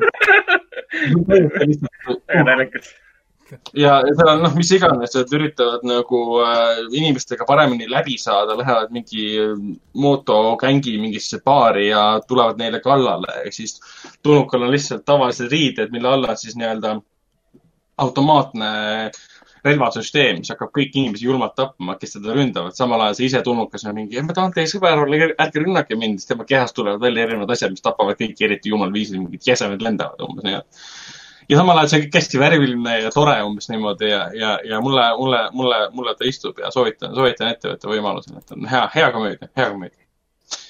vot, aga sellega sai minu peatükk läbi. Lähme edasi HÖFFi juurde ja lähme tagasi ringiga Raiko juurde äh,. Raiko, räägi oma HÖFFi filmidest. mis oli sinu lemmik, mis oli sinu arvates HÖFFi halvim film ja, ja kas, kas sa juba tegelikult enne ütlesid ka, et HÖFF otseselt midagi sinu jaoks ei kaotanud, et ta nagu virtuaalselt. aga me võimegi sellise süsteemi teha, et igaüks järjest ütleb, et mis oli parim, mis ta nägi ja mis oli kõige kohutavam, mis ta nägi. ja siis ja. räägime sel teemal, et mida me kõik nägime ja mis need kõik koos olid. kindlasti palju filme, mis korduvad nii-öelda mm.. Jah, et ma vaatasin siis kaheksa filmi, tegin kaks, neli, kaks äh, äh formaati ma ei muutu oma kava kordagi, mul oli kava paigas, mis on esimest korda, sest äh, tavaliselt minu õh, hõhv näeb välja nii, et mul on kava, ma lähen hõhvile ja siis äh, keegi ütleb mulle, vaata hoopis seda filmi, davai. ma vaatan hoopis seda filmi ja, ja ühesõnaga mm, koha peal ma ei jää kunagi nende filmide juurde, mis ma esialgselt äh, tahtsin vaadata. siis äh, nüüd kodus olles ma vaatasin lihtsalt täpselt nii, nagu ma olin äh, paika pannud äh,. Mhm. ja mul oli ka paika pandud nagu süsteem, et ma vaatan ära nii-öelda need klassikalised õudufilmid, mis ma olin välja vaadanud endale, milleks oli siis äh, see Surnukuri lood ja neetud, mis ma arvasin, et on niisugused noh, nagu äkki on õudsed filmid. siis ma vaatasin äh, välja endal need esilinastusfilmid, mis ma tahtsin kindlasti näha, oli see Stranger ja Faithless Man. et noh, mida ma yeah. kuskil mujal niikuinii näha ei saa kunagi. siis ma vaatasin äh, äh, välja selle kuulsuste filmid nii-öelda, ehk siis Swallow, Come to Daddy ja Color Out of Space, Nicolas Cage äh,, Elijah Wood ja siis äh, Jennifer Lawrence. ja, ja oota, mis mul nüüd ütlemata jäi ja Mida? aa, ja siis oli see Jennifer Lawrence. oot, oot, oot, oot, oot, ja siis oli see oota, mis Jennifer Lawrence? oota, ma kohe ütlen sulle. sa mõtled Swallows või? Swallow oli ju. mitte Jennifer Lawrence, vaid äh, Heili, Heili, Heili Bennett ja, ja ta on nii sama Hailey Bennett, jah. ta on nii kusjuures meil, meil vist keegi seltskonnas ütles sama. jaa, ei, Mulle on küll ja, jaa, oli küll Heili Bennett. ta on ikka väga, väga, väga sarnane nagu. Heili, Heili Bennett oma jah, okei okay.. ja siis oli see Midsommar, mis lihtsalt ma tahtsin näha, mis nad muutsid. mis on see ekstra kolmkümmend minutit, mis nad siis äh,, mis nad siis nagu juurde panid sinna. noh, nagu ta, ta, ta on näha lihtsalt, mida see nagu muudab siis filmiga või noh, nagu kuidas see siis nagu välja ennast mängib Mhm. ja, ja, ja siis oli kõige tüütum film, ülekaalukalt oli see Faithless Man. seda oli äh, väga, väga, väga raske vaadata. täiesti nõus. nõus, me vaatasime ka seda. see nägi välja nagu mingi selline film äh,, mida teeks äh, mingid kohalikud külapoisid teeks mingi telefoniga võib-olla või ma ei, ei no niisugune tundus, igatepidi tundus nagu, nagu, nagu läbi mõtle, ühesõnaga see oli nii, see on nii palju asju, mis siin filmis tohiks, üldse filmi tohiks tegelikult üldse eks-, eksisteeridagi. Kuigi ta oli, ta oli paljutõotav, ikkagi Austraalia film ja väidetavalt ka niisugune, mis see oli, Aussie, Aussie Exploitation või? et äh, Aussie filmide äh, põhjal tehtud siis kui Exploitationi paroodia ja kõike seda, et pidi justkui olema. Kickstarteriga valminud ka veel. see oli päris, päris halb. kõik Oli halb, jaa, see oli Kickstarteri film. tal oli kõik, oli vist lõpus hea, kusjuures tal oli mingi after credit siin ka veel, ma vaatasin selle juura lõpuni ju. aa, oli küll, ma isegi panin kinni enne seda juba. tal oli jah mingi jaa, üks stseen oli jaa. After- ega see stseeni filmi paremaks ei muutunud. after credit mingi, mingi, mingi hunnia oli seal. äh, jaa. see ei olnud midagi huvitavat otseselt. see oli nagu, ma olin isegi pettunud, et nad isegi koori näidanud umbes vaata, et okei okay,, story'd pole mitte midagi ei ole, ja siis kui tuleb koori kohta, näitab mulle mingi varju lihtsalt. no mis nagu kogu selle nagu filmi suurim probleem oli lihtsalt oli see, et tal on, ma ei saanud aru, mis ta olla tahtis. Ta oli täiesti siit, selles nagu probleem oligi. Kolli jälitas seda tüdrukut, kes oli nagu äh, vähis paranenud. ja aga mis see, ja siin oli küsimus, et miks see vähis et see avatseen oli väga hea seal vähi teemal ju. see No, oligi jah. kogu asi, mille peale see kogu raha läks neil, sest see oli ühe, ühe võttega filmitud mingi kaheksa minutit või kaua see kestis seal. Nagu- kus siis tuli pärineb oma isa peale. ja see oli väga hea tseen ju, see toimis ju. ja aga pärast seda oli hoopis nagu teine film. sealt see film sai ka otsa ka jah, selles mõttes, et äh, jah, see oligi idee põhimõtteliselt, rohkem ei olnud ideid. mi-, miks see vähi teema üldse oluline oli? ma ei tea mille jaoks üldse vaja, vaja oli? mulle nagu meenutas seda, et lihtsalt kuna see reisijal ise olevat ka nagu vähi üle elanud ja omast, omast kogemusest seda asja nagu võttis, et ta me- tundus nagu, et see koletis oli nagu siis vähi manifestatsioon nagu võttis koletise kuju. aga seda ei kordagi kasutatud ära. et siis see osa filmist kadus ära. siis on lihtsalt mingid noored lähevad kuskile majja äh, äh, küllima, pidu panema enne seda nad kohtuvad mingi linnaelanikega, kes, kellega nad satuvad tülli panema. mingi Pärri, Pärri lahendab muresid. jaa, täiesti, see tundus nagu, et see on, oli mõeldud komöödiana kohati, musta komöödiana umbes niimoodi. seda kuskil nimetati Exploitation filmiks ka, noh, Exploitation on siis Austraalias nagu tehtud exploitation filmid põhimõtteliselt. ma olen, ma isegi mõnda näinud, see ei ole üks neist.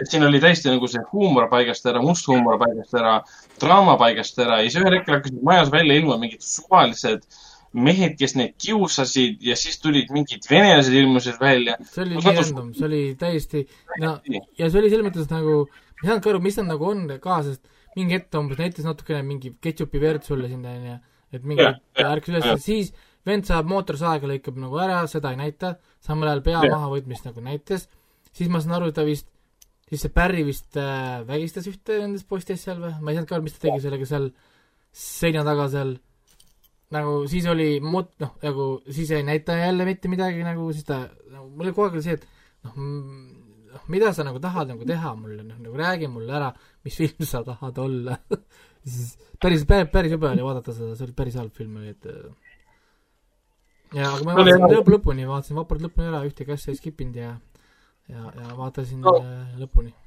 Mina nagu tegin, mina nagu tegin seda, mida ma mõnikord festivali ajal teen, et kui film on äh, talu, talumatult halb, siis ma lähen saalist välja, käin, teen ühe suitsu näiteks ja tulen tagasi saali, et ma tegin seda nagu reaalselt, ma jätsin filmi tööle lihtsalt. jah, absoluutselt. Ma. nagu ei, ma ikka, ma ikka vaatasin, ma panin ikka pausi peale, kui ikka kuskile läksin, siis panin ikka pausile ja vaatasin. Vaatasin edasi, kus noh, noh, see oli niisugune aga ma mõtlesin, noh, kui ma maksin ka kurat, et ma vaatan siis selle ära ka, et äkki ikka äh, kuskilt maalt äh, keerab ümber ennast, aga ei keeranud see sittagi ümber, et Pani- pani niimoodi kuni lõpuni välja ja, ja, ja tõesti nagu ar arusaamatu lihtsalt, ma lihtsalt, nad üldiselt isegi kui on mingi hästi halb film, ma suudan nad- üldiselt isegi taibata umbes, mida nad proovisid teha või noh, nagu umbes, et davai, oh nad proovisid teha nii, nad ei, noh, ei õnnestunud. siin ma ei saa isegi aru, mida nad teha tahtsid. et, et äh, ma, ma mõtlesin ka, okei okay,, see monster, kas see monster on, see ongi see vähk, onju, aga siis ta kogu aeg vihjab, et see on ta isa, miks see siia puutub, onju. noh, lõpuks ma nagu teemaarendust ei olnudki tegelikult. ei olnud jah, lihtsalt oli nagu, ma ei tea, film filmi pärast või mida nad siin saavutada püüdsid, keegi aru ei saanud tegelikult. see oli päris, päris halb jah. see oli kindlalt, see oli ka ülekaalult kõige halvem film, et äh, minu jaoks äh, oli siin äh, teine halb film oli see Swallow. Seesama Sellega ma- see Jennifer Swallow meile meeldis. klooni, klooniga film, et äh, see on ikka, oota, aga nii äh,, selgita, mis, mis, mis selle filmi juures sinu jaoks ei töötanud, sest minu ja Henriku jaoks oli noh, selles mõttes festivali üks, üks kuulus parimate hulka nii-öelda. no esiteks see, see, et ta ei ole, Raivo. ta ei ole HÖFFi film, onju, ta peaks mingi PÖFFil võib-olla olema. või kui, või kui, kui, või kuskil mujal. tal pole HÖFFil mitte midagi teha. Samas ta oli piisavalt no on, ta on piisavalt hõhvilik tegelikult. mis siin on õhvilikku? ta on, ainuke veri on umbes sellest, et äh, mingi vetsupotis oli see, kas me tohime spoilida või? ei tohi vist spoilida või? et siin oli kahe mingi ke- keel keel, keel oli veidikene, veidikene verine ja natuke verd oli kuskil vetsupotis ja ja aga kus siin see nagu see õudus oli või, või noh, nagu noh, mis siin nagu oli, mis, mis, mis seda õhvile nagu noh, nagu annaks? Et see oli lihtsalt no. ühe lapse äh, või noh, ühe nagu õnnetu naise lugu siis, kes nagu lapsepõlves oli läbi elanud äh, või mitte tema, siis tema ema elas siis läbi nagu trauma, mis siis lapsele kandus nagu üle. ja siis Jah. yeah., ja siis naine No. naine ei, ei saanudki sellest üle. naine ei saanudki sellest üle ja, ja, ja otsustas alustada uut elu lõpuks, ongi kõik. no ta Jaa. meenutas äh, mulle kohati mingit, ma ei tea, seda American Beauty't, et sul on nagu äh, naine on niisuguses väljakannatamatus abielus ja, ja hakkab ennast välja elama, kuna keegi teine ei teda tähele ei pane ega kuula ja ja, ja no just see element, see neelamise element, et see on see vahend, kuidas seda lugu äh, tema sisemist sellist konflikti väljendada või sellist, sellist äh, rahu, rahulolematust väljendada läbi selle neelamise. Et ta võtab mingid vastikud asjad, neelab neid, rasked asjad neelab neid ja kivid ja mis iganes, et see muutus nagu, see oli creepy minu jaoks, see oli vastik minu jaoks kohati. no see on, see on jah, et sa vist ei ole kunagi naistega koos elanud. Vau. Um, mulle, mulle ta meeldis tegelikult sellepärast, et ta meenutas mulle põhiliselt Revol- Revolutionary Road'i äh, selle Sa- Sam Mendesi, Mendesi Revolutioni, oli Sam ei olnud küll Sam uh,. Revolutionary Road'i Kate Winsleti ja aa, selle. DiCaprioga. aga ta oli nagu veelgi, veelgi jõhkramas kastmes. mulle, mulle ka sellepärast meeldiski. mul lihtsalt, minu jaoks ta jäi selles mõttes nagu igavaks, kõik asi oli nii või nii nagu predictable nagu lihtsalt. istud, vaatad, aa okei okay,, okei okay, ja no nüüd- tuleb see, nüüd, nüüd pere kindlasti teeb seda, niisugune nagu noh, Leila, Leila, Leila oli ja ma ei saanudki aru, miks ma seda filmi nagu vaatan. et ma nagu ootasin siit nagu mingit niisugust äh, niisugust äh, nagu sügavamat, võib-olla hirmutavamat pointi või midagigi, mida ei tulnudki. tal lõpuks oli veel mingi veidi happy ending ka.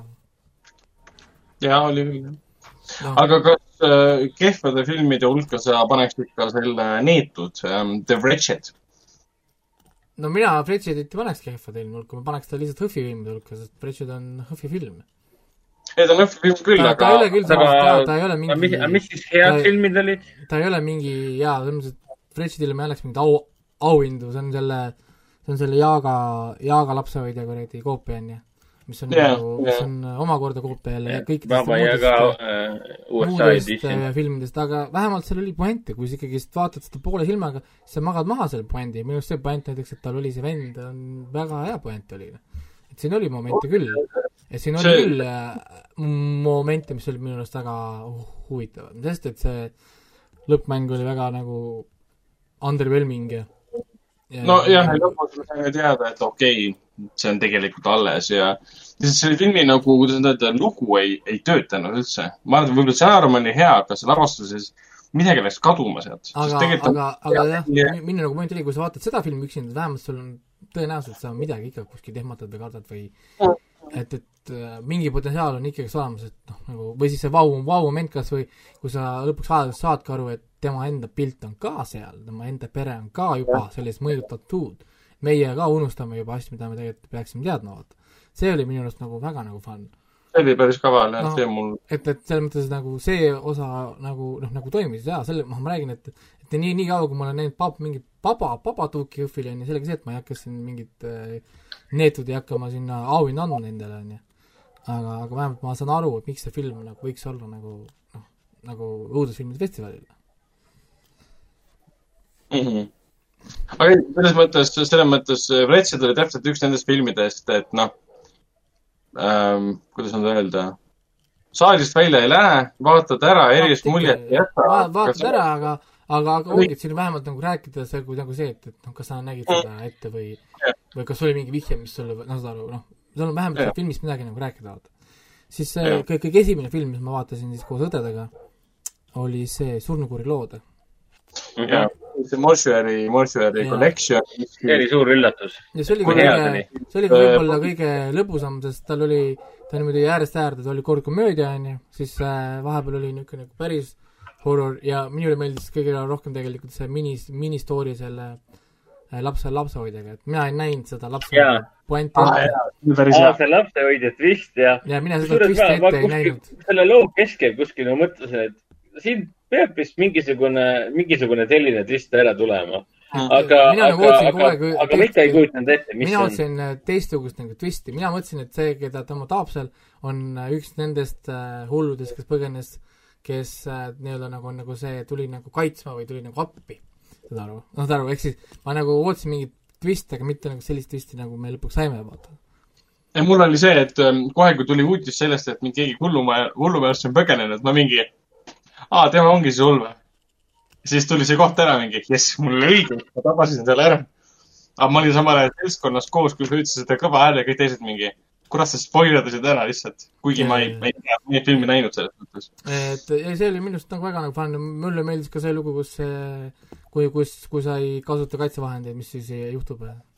et selline pool, poolkomöödia uh,. aa, see sünnitamine, jaa, see oli päris kaval, see mulle, mulle ka meeldis ja. selle Mortuary Collection'iga, selle kohta võib öelda, siis ta on USA õudusantoloogia film, kus on nagu raamlugu äh, mehest, kes töötab siis ähm, surnu.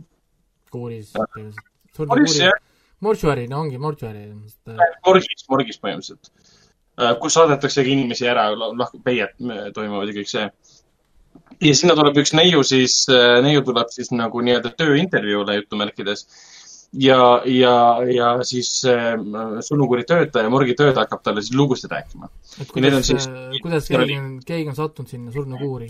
ja näiteks minule väga meeldis see lugu ka, kus kohas mees oli koos naisega ja siis naisega juhtus midagi ja ta jäi vegetatiivsesse seisu, mis oli minu arust väga hea psühholoogiline. see läks aina hullemaks nagu, iga momendiga aina hullemaks, see oli väga lahe. see, see lifti tseen lõpus seal oli minu arust väga nagu, väga nagu powerful. see oli juba selline kogu, tõesti, tõesti kogu festivali sellise, kuidas öelda, äh, rahvasõbralikum film. ja ühelt poolt oli ka väga hõhvilik film ja teiselt poolt ta võis tekitada vale arusaama, sest kohe, kui film algas, esimene kaader, ma vaatasin, okei okay,, see ei ole vist hea film. Ja ma olin ja nii, ja, ja oli jah, me vaatasime, et kurat, see on mingi halb film. kinni üllatas mind ja raputas mind läbi, et ta ei, see esmane mulje ei ole see põhiline asi, millest me ikkagi lähtuda selliste filmide ma jäin sellega ka väga rahule, minu arust nagu niisugune jah, sa, tundus päris pikk ka, sellepärast et seal oli nii palju asju seal filmis nagu noh, nagu topiti sinna sisse, et siis tundus Jah. nagu hästi pikk, pikk, pikk film tundus olevat, et hästi palju nagu asju said, said, sai, said nagu näha. see mulle nagu sobis jah, aga jah, see, ma mõtlen, mis mul, mis mul veel oli, mul oli äh, teisel päeval ma vaatasin ära selle Computer Daddy, ehk siis tund, tunni aja jagu filmi oli venitatud äh, mingi poolteist, poolteist, poolteist tundi, kui viimane pool tundi oli täiesti nonsense. jah, ma olen sinuga selle koha pealt äh, täiesti nõus. esimesed tund aega olid väga hea, väga hea. mõnus, sinnamaani, kui nende isa leidis sealt üles, seal oleks pidanud film ära lõppema, et ja kõik need twistid, mis seal järjest tulid, kaks tükki, kõik töötas, kõik oli hästi lahe, aga viimane pool tundi ma mõtlesin, et milleks see oli, see ei viinud lugu edasi. ärme otseselt spoili, aga, aga jah, ütleme, kui see twist lõpuks tuleb, siis justkui sellega saabki film läbi. ja mina oleks tegelikult tahtnud, et film lõpeks sellega, et ta helistab, kuulge, et mul isa suri ära. helistab uuesti, helistab uuesti, oota, aga sul just suri ju isa ei, mu isa, mu isa suri ära, et palun tulge siia. Seda filmi oleks saanud nagu päästa võib-olla see viimast pool tundi sellega, et üks, üks või teine twist, mis seal oli nagu üsna kohe esimeses pooles ära, sa oleks pidanud rohkem lõpupoole tulema. siis nad oleksid saanud seda ära laiend-, laiendada nagu korralikult, aga see viimane pool tundi mõjus umbes niimoodi, et noh, milleks, et lihtsalt saame kille näidata ja tapmist näidata, et see on nagu lahe siis. ma ei tea, Aga- see lõpp, ei mul oli ka, ma ei saanud, see kõik see motellides autoga avaliisel ja mingid veid- veidrused olid seal lõpus veel. Aga muidu selles mõttes väga tore film, et Elijah Wood, fantastiline roll, siiamaani teeb täiesti risti vastupidi rolle, mis tal kunagi olid, noh siin Frodona Sõrmuslisanda filmides ja, ja osaleb meelega sellistes äh, huvitavates äh, twisti, twiste täis õudukates nagu ma ei tea, Open Windows ja Grand Piano ja mis tal veel Maniac on olnud ja kõik siuksed filmid. et äh, avafilmina fantastiline, et miks, miks, miks ka mitte, et see on täiesti õige koht õhtul. Ja siis ma vaatasin, et mis mul oli, siis Faceless Man ma rääkisin, Computer Daddy, Swallow ma rääkisin, Mortuary Collection, Ratchet käisime ka läbi, siis on mul jäänud veel see Color Out of Space ja Midsommar. nii No äh,, Color Color Out of Space oli minu arust väga hea film, kurat. Täiesti nõus, täiesti nõus. äh, selle, selle PÖFFi, selle PÖFFi lemmikfilm minu jaoks vähemalt. et ta on, esiteks ta on õigel festivalil onju, ma kartsin kogu aeg seda, et sellest tuleb mingi PÖFFi film jälle, mis on õhvil topitud. aga aa, see, kolorist või? ma kartsin seda, ma mõtlesin, et tulebki mingi nagu, no jälle niisugune film, aga tegelikult ei tulnud. ja, või väga, väga sürr, väga sürr, väga sürr asi on see, selles mõttes nagu ma kartsin, et sellest tuleb järgmine Mändi, mida me nägime, vist oli äkki eelmine, eelmise aasta PÖFFil, PÖFFil või üle-eelmise aasta PÖFFil. ma ei mäletagi enam, millal see Mändi välja tuli. Mändi oli samamoodi, aga noh, Nicolas Cage'iga ja Jaa, hästi verine ja hullumeelne ja mis ta oli seal öiste värinate programmis, noh, PÖFFil. ma, nii kartsin, et see Colorado Space ehk siis, mis ta oli, värv maailmaruumist eh, on nagu Mändi ehk siis ta on niisugune aeglane, hästi sürreaalne ja Ku- kusjuures sisu ei ole minule meeldib selle filmi ingliskeelne pealkiri. Eestikeelne pealkiri vaata nagu äh, on niisugune so-so, aga kui sa mõtled korra, vaata, see ei ole nagu color from out of space või midagi, see on color out of space ehk siis äh, väga nagu hea nimi tegelikult äh, pandud filmile. Ja ma aeg mõtlesin, miks see on color out of space, miks see pole color from out of space või, või noh, nagu miks see mingi veider, aa, ja, ja, veider ja, inglise keel on miks, miks mitte From, jah. jah, aga Aga- color out of space ehk siis äh, kui sa vaatad nagu pealkirja, siis tegelikult ütle, see ütleb sulle päris palju. aga sellest, sellest tuleb tänada siis äh,, mis ta oli, Howard Phillips äh, Lo- Lovecrafti, kes selle loo vist kahekümne, mis oli kaheksandal aastal äh, välja andis, tuhat üheksasada kakskümmend kaheksa ja millest lõpuks tehti esimene korralik võimas, võimas film. ja, ja see on ainuke Lovecrafti film muidugi, Lovecrafti põhiline film, mis HÖFFil, HÖFFil oli, et HÖFF oligi osaliselt pühendatud Lovecraftile, et siin oli see Call of Cthulhu, siin oli see Reanimaator ja nii edasi. aga Colorado Space oli küll lihtsalt nagu tegi kakskümmend seitse isegi. paljudele teistele äh, kunagi, mis on Lovecrafti põhjal tehtud ja lisaks ta oli, kuidas nüüd öelda, Lovecraft oleks uhke selle filmi üle. okei okay,, seal oli Nicolas Cage, kes kohati mängis Nicolas ei, Cage'i. see on jumala okei okay.. ma olen, see on lühilugu ju, ma olen kunagi hästi-hästi ammu seda lühilugu lugenud, ega mina ka ei mäletanud, ma pidin Vikist hakkama seda lühilugu uuesti, seda sünopsist lugema põhimõtteliselt, mis seal siis tegelikult toimus. aga väga äge adaptatsioon, ekraniseering, et kuidas väga lühike lugu väga väheste tegelastega, väga väheste äh, tegelikult äh, sisuliste liikumistega äh, toodi nagu tänapäeva. Nicolas Cage'i juurde äh, tänapäeva laste hulka justkui nii-öelda tänapäevastati ära. ma olen täiesti kindel, et see on üks, mitte üks parimatest, vaid see ongi parim äh, Lovecrafti, konkreetselt Lovecrafti ühel lool kirjutusel põhinev ekraniseering. sest ega neid palju ei ole, sul on siin Call of Cthulhu'st on tehtud üks äh, mustvalge tunni aja pikkune asi ja, ja, ja ongi Colorado Space ja paar tükki on veel.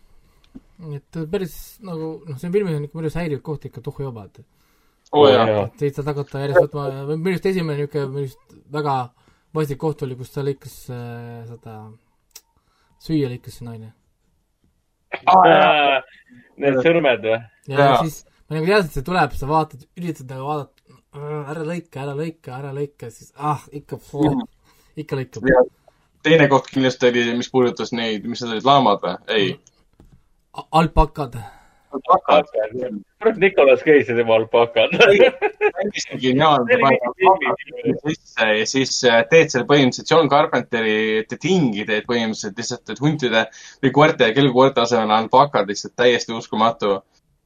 ja siis muidugi see tütre, selle poja ja siis äh, ema teema, mis muutus lihtsalt totaalseks body horror'iks, mul tekkisid mingid Dead Space'i see flashback'id ja oli, see oli päris, päris, päris, päris hull jah, kus see tädi tädi ü- hüüdis. ära ja tuleta. hin- hinnaalandust ei olnud ka, et ta nagu pani nagu selle horror'i gaasi pani põhja lihtsalt. ja ei, visuaal, ei lastud lahti ka. ei, ei ta. läkski, kui mingi hetk läks käest ära, siis hakkaski minema lihtsalt. ja, ja ta oli nagu, kuidas öelda, ta oli filmikunstiliselt nagu võimsalt lavastatud, huvitavalt tehtud ja visuaalselt nii põnev nägi välja ka ma. nägin, et see oli see suure ekraani film. see oli, No väga ta- mõnus vaadata, heli ja muusika, kõik asjad olid nagu, see oli suure No, suure kinofilm oli ta.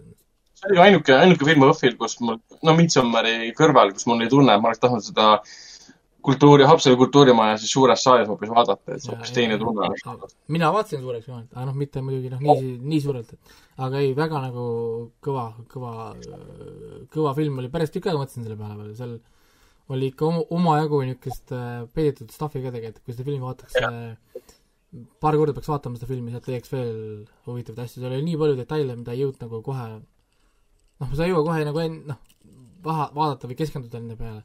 Need loomad, need taimed eh, tahaks võib-olla korraks pausi peale panna või noh, nagu võib-olla veel vaadake kord, mis kuradi taimed see on. jah, sama siin suht kindel, et ma vaatan seda uuesti nüüd lähiajal et, mis loom nagu see oli või noh, mis, mis sitikas see on ja, ja see kaevu, kaevu osa ja ühesõnaga, see on nagu päris palju niisugust nagu tahaks korra nagu võib-olla jah, rohkem aeglasemalt vaadata, natukene keskenduda. seal mi- mingi hetk läks nii kiireks see värk. Ja filmi režissöör Richard Stanley, temaga tegi siis äh, filmikriitik Ralf Sauteriga mm, otselülitusega intervjuu. Stanley on siis see mees, kes tegi selle, issand, juba läks meelest ära. Henrik. Aidu, see The Machine, hardware? Hardware, kunagine selline ulmekas, kus leitakse roboti, mis hakkab ennast kokku panema, hakkab inimesi tapma. Ja ta oli ka siis selle doktor Murau Saare esialgne režissöör, kus siis Val Kilmer ja Marlon Brando mängisid, enne kui nad välja puksisid ta sealt ja võtsid John Frankenheimeri asemele. ja, ja ta nüüd räägib ka, et ta tahab ikkagi teha järgmise filmi ka, mis moodustabki nii-öelda Lovecrafti, Lovecrafti siis ähm, äh, triloogia järgmine vist on Dunwich, Dunwichi horror ja vist tahab Fall of Cthulhu ka teha. Et siis ongi selline ilus Lovecrafti, Lovecrafti äh, äh, jaa, aga ma, mulle meeldib ka, et nad rääkisid Arkhamist, siis ma alati mõtlen kohe Arkham horrori peale ja ja, ja, ja. rääkisid seal päris, päris palju sellest Arkhamist. ja minu arust väga hästi saadi paika see Call of Tulu, ütleme see üldse üks Tulu see hu- hulluks minemise osa, mis minu arust tegelikult see Nicolas Cage tegi väga hästi. siin talle sobis see karjumine, et et see oli lõpuks, lõpuks õige, õige koht, kus äh, niimoodi teha siis. jah, no ma olen kuulnud- kuulnud kriitikat, kus öeldakse, et eh, see nagu rikkus filmi ära, et Nicolas Cage mängis Ah. iseennast ja röökis seal täiesti ta. on liiga cage, liiga uncaged nii-öelda. ja, ja see Et on nagu- see on, see on, see on loll. ketist välja lastud, et see on nagu liiga rets nii-öelda. ma ei tea, mulle väga sobis. mulle üldse tundub, et see Richard Stanley nagu äh, väga hästi mõistab äh,, mõistis selle värv maailmaruumist nagu selle loo, lühiloo olemust ja suurepäraselt nagu ekraniseeris selle, et ta on üks väheseid põhimõtteliselt, kelle kohta ma võiksin öelda, et jaa, muidugi, mine tee veel neid Lovecrafti lühilugusid. tal on ju neid ometigi palju, ei, ei pea hakkama siin tegema neid suuri Prometheuse stiilis äh, äh, mis see nüüd on, see kõige kuulsam?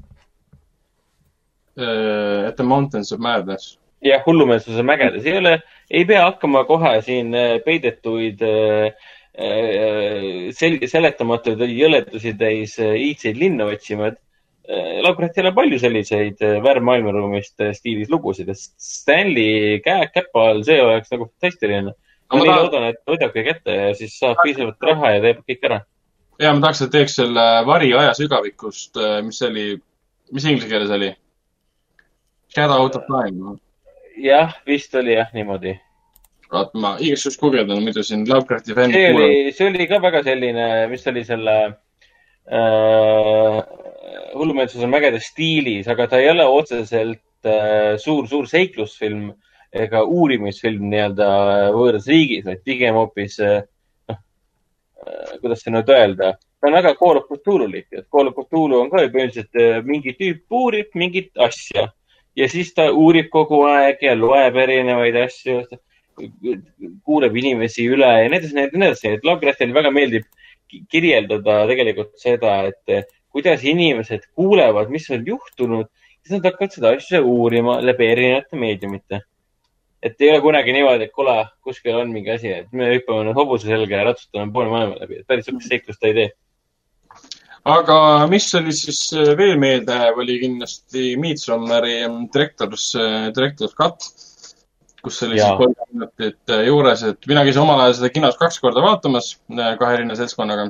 okei okay,, vend oli kaasas, sel ajal aga. ja see kolmkümmend minutit tõesti nagu ta täitis, esiteks peategelane, üks peategelastest, Kristjan, muutus nagu rohkem päris inimeseks. sellepärast me saame rohkem teada esiteks seda, et, et ta oli varasemas veel suurem mürakas, kui ta enne oli. aga saime rohkem selgitust selle taustale, mida ta otsis ja mida ta teha tahtis seal äh, hälves, halvaga no Toomasele töö, töö, põhiliselt, mis vaatasin, mis juurde pandigi siia Director's Cut, pannigi Kristjani stuff'i juurde. mulle tundus, et No. auto, autosõit oli rohkem sinna külla. ja, ja Jaa., ja põhiline oligi vist, et ma vaatasin see vestlus, kus tal oli selle, ma ei mäleta juba selle ta naise nime jälle. issand, Kristjan oli selle mehe nimi, aga mis see naise nimi juba oli? uh,. Vau, issand, oota. No ma just vaatasin seda filmi, come on. Ta-, Tani, Tani, Danny, Danny, jah. Tani. ehk siis, kui tal oli selle Daniga see conversation, et ta ei tea oma teesi kohta veel, mida nagu valida ja siis see pakub, aga tee sellest sammast, kus me lähme, vaata, ehk siis anna, anti, anti, anti kontekst lõpuks, et ta ei võtnud seda mingi niisama lampi, seda teesi ideed äh,, noh nagu ennem jäi mulje umbes, et ta lihtsalt võttis selle, kuule, et davai, ma teen ka nüüd. sellest mm -hmm. külast, et siis tegelikult see oli juba varasem idee tegelikult. Lisaks me nüüd nägime, et ta reaalselt tegi tööd ka seal, kui ta küsis seal külas inimeste käest asju jah, mida me varem tegelikult ju ei teadnud, teadnud, me lihtsalt mõtlesime, et ta lihtsalt, davai, ma teen ka teesi, aga ta kunagi tegelikult ei teinud mitte midagi. siis nüüd me tegelikult nägime, et ta küsis küsimusi ja ta uuris ajalugu ja ühesõnaga.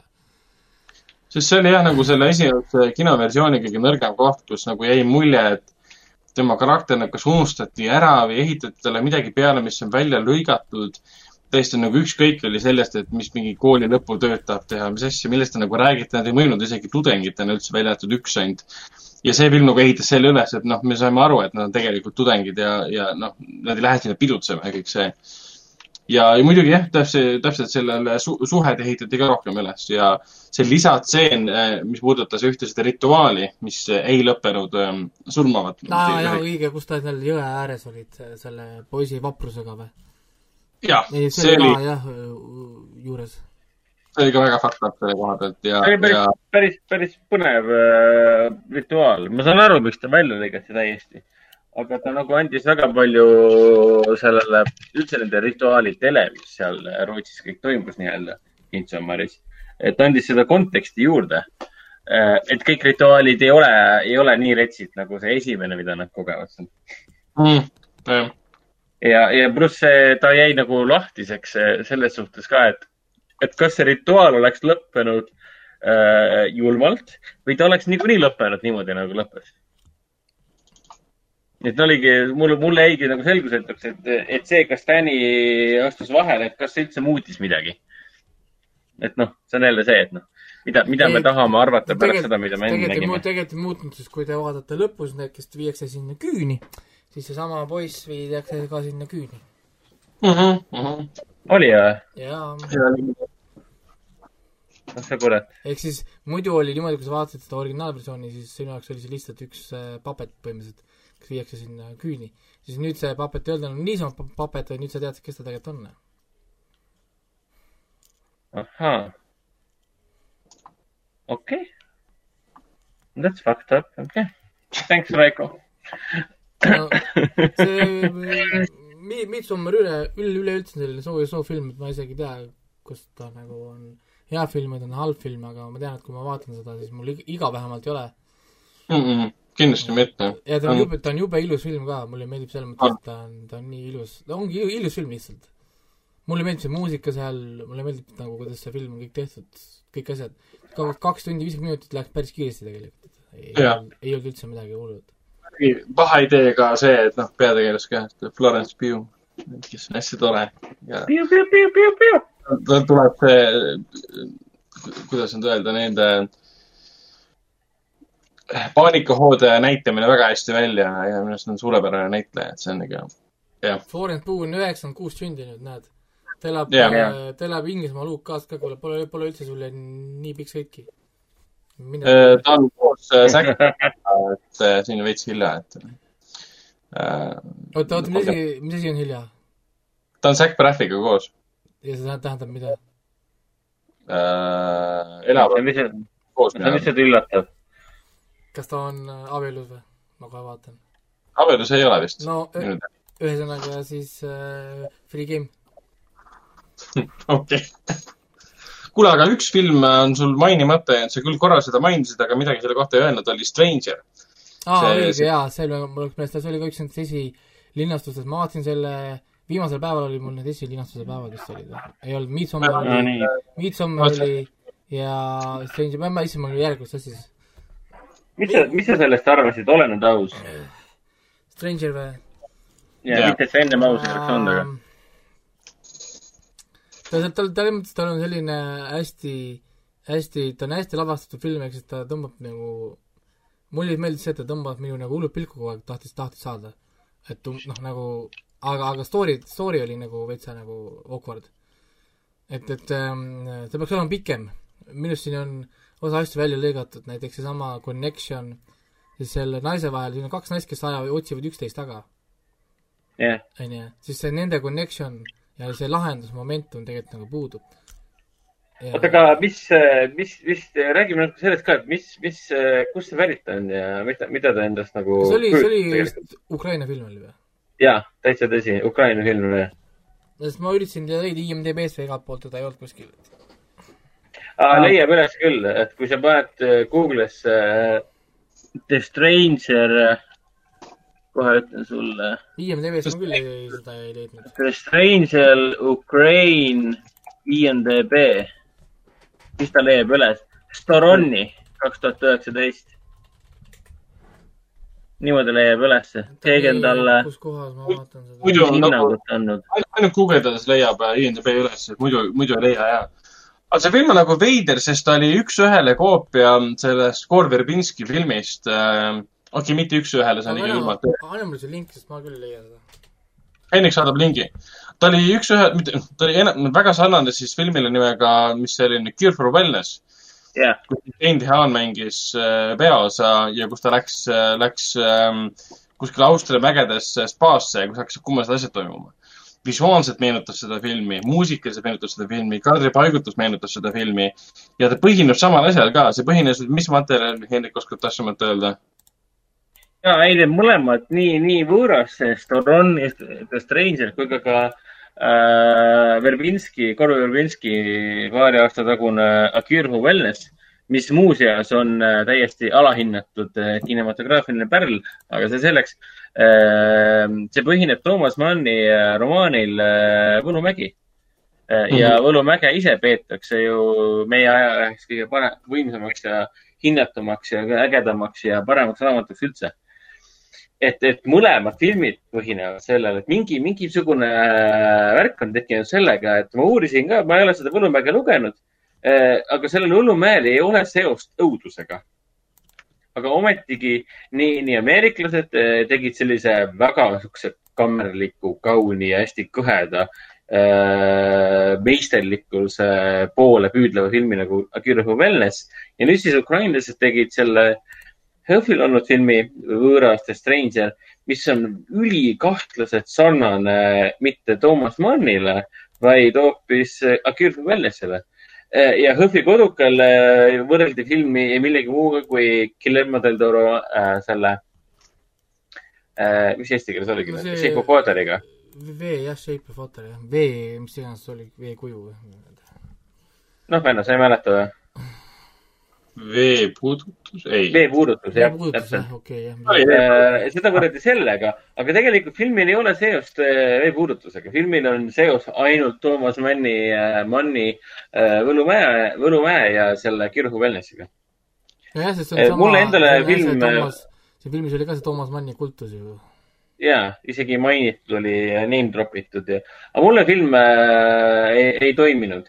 Kuigi ma olen nõus, et äh, Raikoga, et lavastuslikult ta oli väga põnev, ta oli väga huvitav, väga kindla käega valminud.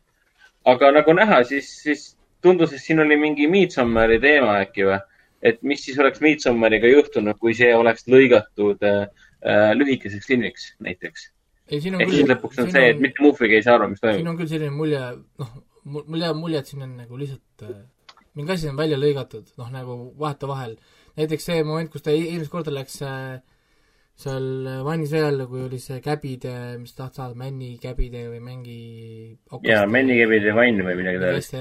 sealt peaks olema mingi lõik, millest puudused vahel. seal on Mm. mingi liiga, mingi järjest tran- tran- transition, kus ma kaotasin korraks järje ära, mul oli nagu oot-oot-oot, noh, mis asja, kes see nüüd on? noh, miks ma nüüd, noh, mis see nüüd nagu on või noh, miks me nüüd siin korteris äkki oleme või saad aru, noh, niisugune mingi liiga järjest transition oli, siis nad proovisid nagu seda tagasi viia ja siis äh, teine koht oli, kus ta läks uuesti vanni jälle ja, ja siis ta kohtas seda ühte tegelast, ma siis ei spoil'i, kui äkki on võimalus inimest näha, kes hakkas talle rääkima, et siis maa on lame ja blablabla bla,, onju.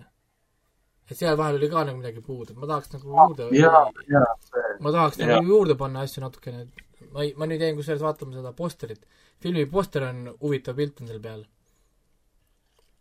ma ei ole ja see postril on ju seesamune Äh, ele-, elevandid kannavad mäge seljas. jah, sealt ka läbi, kus kalapea või see, mis iganes olendi peaga tüüp hakkas rääkima selle peategelasega, kes ta ütleb, näitas talle pilti ka, et ma olen tegelikult selline või midagi laadset. sest see filmi narratiivi, see plott oli nii nonsensikal kohati, et seda oli täiesti võimatu jälgida, aga õnneks ta nägi niivõrd kaunis välja ja tegelased nii huvitavad välja, et, et sa lihtsalt vaatasid, vaatasid, vaatasid, lõpuks seal me küsisime poole filmi pealt üksteiselt, et kas keegi saab aru, mis siin toimub, ei. aga päris huvitav on. ja ei, vot see, vot see oligi, ta minu arust oligi hästi tehtud, aga seal oli keegi ei tea aga huvitav see, seal oli võimatu jälgida seda timeline'i oli küll, ma proovisin nagu äh, ajada nagu jälge timeline, mis päev on praegu. noh, nagu filmis täiesti võimatu öelda, täiesti võimatu. Ja rääkis, oh kell kaksteist nad viivad kedagi kuskile, siis keerab see aega tagasi, onju, siis saab mingi sama päev on ringiratastele, helistatakse tal mingi noh, nagu mis päev meil on või noh, nagu mis timeline siin on, vaata, mul oli see, see oli küll vetsa jah, nagu niisugune et ei suutnud paika panna, et, et mis nagu noh, kes siin nagu on, siis oli, mingi algus oli ka vaata veider selles mõttes, et oli, tuuris seda basseinis, seda kadunud äh, tiimi, siis ta läheb äh, oma ülemuse juurde, et kuule, me võtsime sinult ära selle, kuna, kunagi võtsime ära sult selle case'i. aga see, ta just uuris seda, ta just ju käis seal. jah, miks te kunagi, kes, kellelt te siis ära võtsite, kellele te selle andsite siis?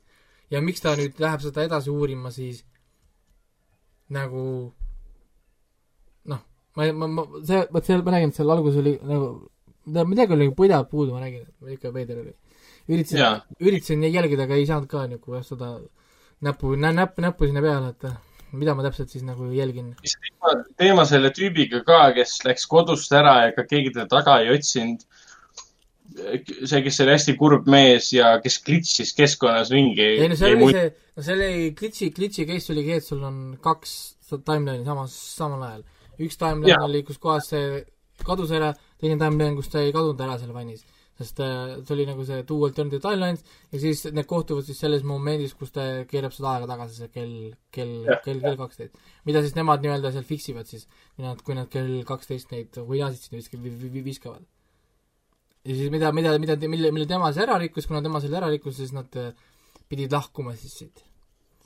aga ma räägin, see story oli niisugune nagu so is so, et äh, väga raske oli jah jälgida seda, jah, õnneks nagu väga palju neid äh, segadusse ajavaid filme nagu HÖFFil ei olnud, et minu silmis see, seekord HÖFF oli peaaegu sama hea, noh, oligi sama hea kui eelmine või isegi parem kui eelmine. kindlasti parem kui üle-eelmine, et siin oli väga palju filmi valiku suhtes, jah. ja, et näiteks minu jaoks suurim üllatus oli see, et äh, oli selline film nagu VHS, VHS VHS, jah. pildi põhjal mingisugune nonsense film, paned tööle, hakkad vaatama, lugu on lihtsalt kokku pandud, lavastatud kui ka vanadest retro eh, nii-öelda arhiivkaadritest eh, telesaated. ja need telesaated muutuvad kogu aeg aina vastikumaks, imelikumaks, kripimaks. ja seda kõike seob narratiiv, kus väike poiss eh, kasutab kaamerat, kuhu ta parasjagu salvestab peale lindile, kuhu on juba salvestatud tegelikult tema vanemate pulmavideo. salvestab seda siis sinna kogemata peale, mis on tema ümber. ühel hetkel avastab, et ta saab kaamera siduda siis telekaga, saab salvestada seda, mis telekast tuleb. siis me näeme Jah. telesaateid ja see seob sellise narratiivi kokku, mis ühel hetkel lõpeb äh, found footage äh, horror filmina äh, vanas sorority majas. nagu ma elu sees ei oodanud, et see juhtub. ja siis ühel hetkel saame aru, et kes on filmi, filmi režissöör. Hendrik, kes oli filmi režissöör?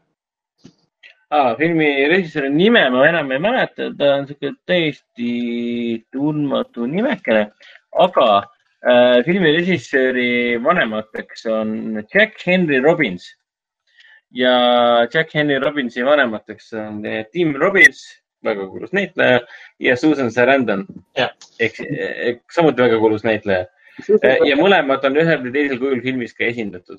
jah, Susan Sarandon teeb, ma ei saanudki aru, kas see oli, see olnud nagu nüüd tehtud roll selles filmis, see oli justkui äh, arhiivkaader võetud kuskilt mujalt. selle kohta on rohkem uurima hakkama, aga tõenäosus, et siia VH, VHS-i oli kokku põimitud ka isiklikust, režissööri enda isiklikust erakogust pärit äh, VHS-ile salvestatud kaadreid oli, oli väga tõenäoline, on väga, väga tõenäoline tegelikult. Aga Tim Robbins tegi siis sellise kostümeeritud meigi alla peidetud rolli, kus mina ei tundnud teda äragi esialgu. aa, oli või? ma ka ei märganud teda, ma mõtlesin, et ta oli ainult produtsent. ei, tal oli, tal oli pisike roll ka, pärast näidati nime all, üldse ei tunne ära. aga film oli huvitav selle poolest, et ta algas nagu täiesti arusaamatu virvarr te, vanade telesaadete lõigetest. Need tundusid reaalsed telesaated, reaalsed arhiivkaadrid USA, Ameerika ajaloost. Siis ühel hetkel saad aru, et kuule, osad neist on vist lavastatud hoopis, jäetud retro mulje, arhiivi, arhiivmaterjali mulje. kuule, osad neist lähevad täitsa mingiks creepy'ks materjaliks kätte. mul hakkas vaikselt meenuma see neti Youtube'i paroodia äh, many cooks. ma ei tea, kas sa mäletad seda? Too cooks, jaa. kus sa näed kõik kokku põim- põimis mingisuguseks Jaa. crazy'ks reaalsuseks.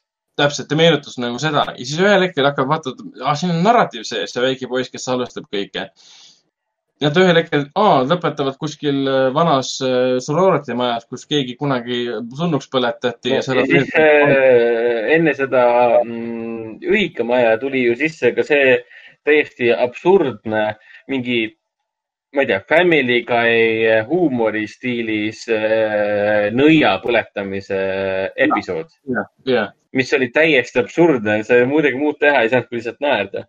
et, et midagi siin selles filmis nagu väga oli, sest ta nõuab kannatust, nagu ikka teine film nõuab kannatust, aga see on, nõuab kannatust, et lõpuks sellest üle saada. et kui sa kuskile filmi keskele oled jõudnud, siis sa oled nagu täiesti võlutud põhimõtteliselt. täiesti nõus, jah. aga ega rohkem selliseid filme nagu väga ei olnud, mida me veel vaatasime. Mutant Blast, mutantide rünnak, Trooma produtseeritud, legendaarse Trooma produtseeritud, see üldse minu jaoks ei töötanud. et esimene pool oli võib-olla tõesti tore, kus sul oli mingi, okei okay,, mis selle filmi kohta öelda, ta on friigifilm täielik, ta on, ta on verine zombifilm ühelt poolt ta pidi olema rõõmsameelne üle võlli äh, zombide keskne actionirikas äh, rämpsfilm. aga kahjuks äh,, no ütleme nii, et läks lappama ja ta ei olnud seda kahjuks. Jah, ta muutus, ta on nagu tehtud inimese poolt, kes ei oska äh, humoorikat äh, lugu lavastada või huumorit lavastada, see on omaette oskus tegelikult, ta üritas ikkagi humoorikas olla ja see ei töötanud um,. Koroona zombis oli minu arust fantastiline puhtalt sellepärast, et mhm. sellist filmi ei ole mina varem näinud, ma ei ole sellises žanris varem teadlik üldse olnud. Eh, ehk siis see žanr on siis see, et kuidas sa nimetad seda, aga kus sa võtad eh, oma loo ülesehitamiseks, oma filmi ülesehitamiseks kokku vanad eh, filmimaterjalid, mis on hoopis teises keeles, hoopis teisel ajastul üles võetud ja loed sinna peale omaenda teksti ja seod selle kõik kokku üheks looks. ja seal oligi, et see on sõna otseses mõttes koroonazombisse seotud koroonaviirusega kus lugu räägib siis ühest mingisugusest äh, blondist äh, bimbost, kes ei saa midagi, midagi aru, mis toimub maailmas. Vaatab uudiseid, et koroonaviirus tekitab zombisid ja zombid jooksevad ringi. aga kui me telekas näeme, et zombid jooksevad ringi, siis see ringi jooksmine on võetud hoopis sellises filmis nagu, mis oli Zombie Strippers. sealt on võetud kaadrid või on võetud, mis see teine Itaalia zombikas oli, ma ei mäleta enam, aga põhilugu ongi kuskil džunglites leiab aset, kus mingid sõdurid tapavad zombisid. Need, see ongi mingi kaheksakümnendate Itaalia zombikast võetud, siin on lihtsalt inglise keeles peale loetud mm,. Zombid versus Strippers oli üks ja siis teine on see äh, Bruno Mattei äh, suht legendaarne film Hell of the Living Dead. jah, täpselt jah. ja ainuke nagu reaalne lavastatud osa filmis oligi siis äh, see Pimba oma kodus ja teda rünnanud koroonazombi ehk siis tal oli see valge mask ees ja ma ei tea, mingi keel tuli sealt välja ja ta oli zombi. et ta oli selline tore, kuidas öelda, splatterfilm, mida ongi nagu festivali, festivali väikses saalis, ütleme, Hõhvi väikses saalis Kultuurimajas Haapsalus.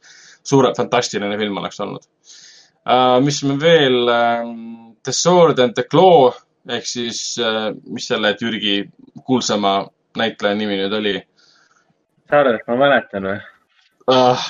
Hendrik, Hendrik. Ill äh,, ei ah,. Arkin, Sümel, Sümel Tarkin, Sümel Arkin, midagi laadset. tema siis kolmesaja, neljasaja, viiesaja filmist üks on see, mida ta siis, kuidas nüüd öelda, see on klassikaline lugu, see on umbes nagu mingi Moosese lugu. Suneit Tarkin, jah. jah, Suneit Tarkin kus lihtsalt üks, üks ähm, uus kuningas sünnib ja ta peidetakse lapsena ära ja kasvab lõvide hulgas üles ja siis ta on suur võitleja ja hakkab oma rolli tagasi võitma kuningriigis, mis on siis halva kuninga poolt üle võetud ja see on nii naeruväärne, nii kohati nagu fantastiline lihtsalt selle koha pealt, et kõikidel tegelastel on konstantselt mingid trampliinid jalge all, siis nad hüppavad kogu aeg kaadrisse kohtades, kus pole võimalik hüpata, et see oli, see oli täiesti nagu ilus film, Türgi, Türgi ägedus ja vaatasime ka siis ära, vaatasime Raiko näitab meile vahelduseks ähm, videosilla kaudu siis äh, Uncharted'i peategelast. Ähm, Nathan Drake'i. kujukest selle asemel. siis, see on ikka neljanda kujuke, jah mm -hmm.? ja minu, minu, minu desktopil on ka praegu Nathan Drake neljandast osast no,. ma olen väga suur fänn aga HÖFFiga jätkates siis jah, Kõhedad muinaslood, Mart Sanderi äh, film, mis sai siis HÖFFil äh, parima žanrifilmi auhinna vastava žürii poolt. ma ei tea, Raiko, kas sa nägid seda Kõhedaid muinaslugusid, siis kui ta ei linastanud? ei vaadanud. mina nägin seda esimest korda ja ta on ka selline antoloogia lugu, kus on erinevad pisikesed lood ja ainuke asi, mis oli sealt vaadatav, äh, no ütleme, mitte, mitte on julmalt öeldud võib-olla, mis oli hea minu jaoks oli siis äh, keskmine lugu, see, ähm, mis selle nimi oli, ma ei mäleta. igatahes see, kus on mingi iidsel Eesti, vanal Eesti ajal leiab aset ja mees läheb kuskile oja peale kohtub seal mingit näkki, kes käsib talle kolmel ööl tagasi tulla, aga iga kord äh, see üks öö on, tähendab, üks kord on üks aasta, pärast on viis aastat ja pärast on mingi kümme aastat või midagi laadset. see oli hästi lavastatud, oli huvitav, müstiline, lahe, nägi äge välja aga ülejäänud need lood olid minu jaoks täiesti, ütleme, see on Mats Sanderi stiil, mis minu jaoks ei tööta. see ülelavastamine, see ülerääkimine, see ülenäitlemine, see pingutatud aktsendid ja see pingutatud näitlemine, et see on ju film, mitte teater ja kõik siuksed asjad, ma saan aru, see on tema stiil, aga see ei tähenda, et see minu jaoks nagu töötab.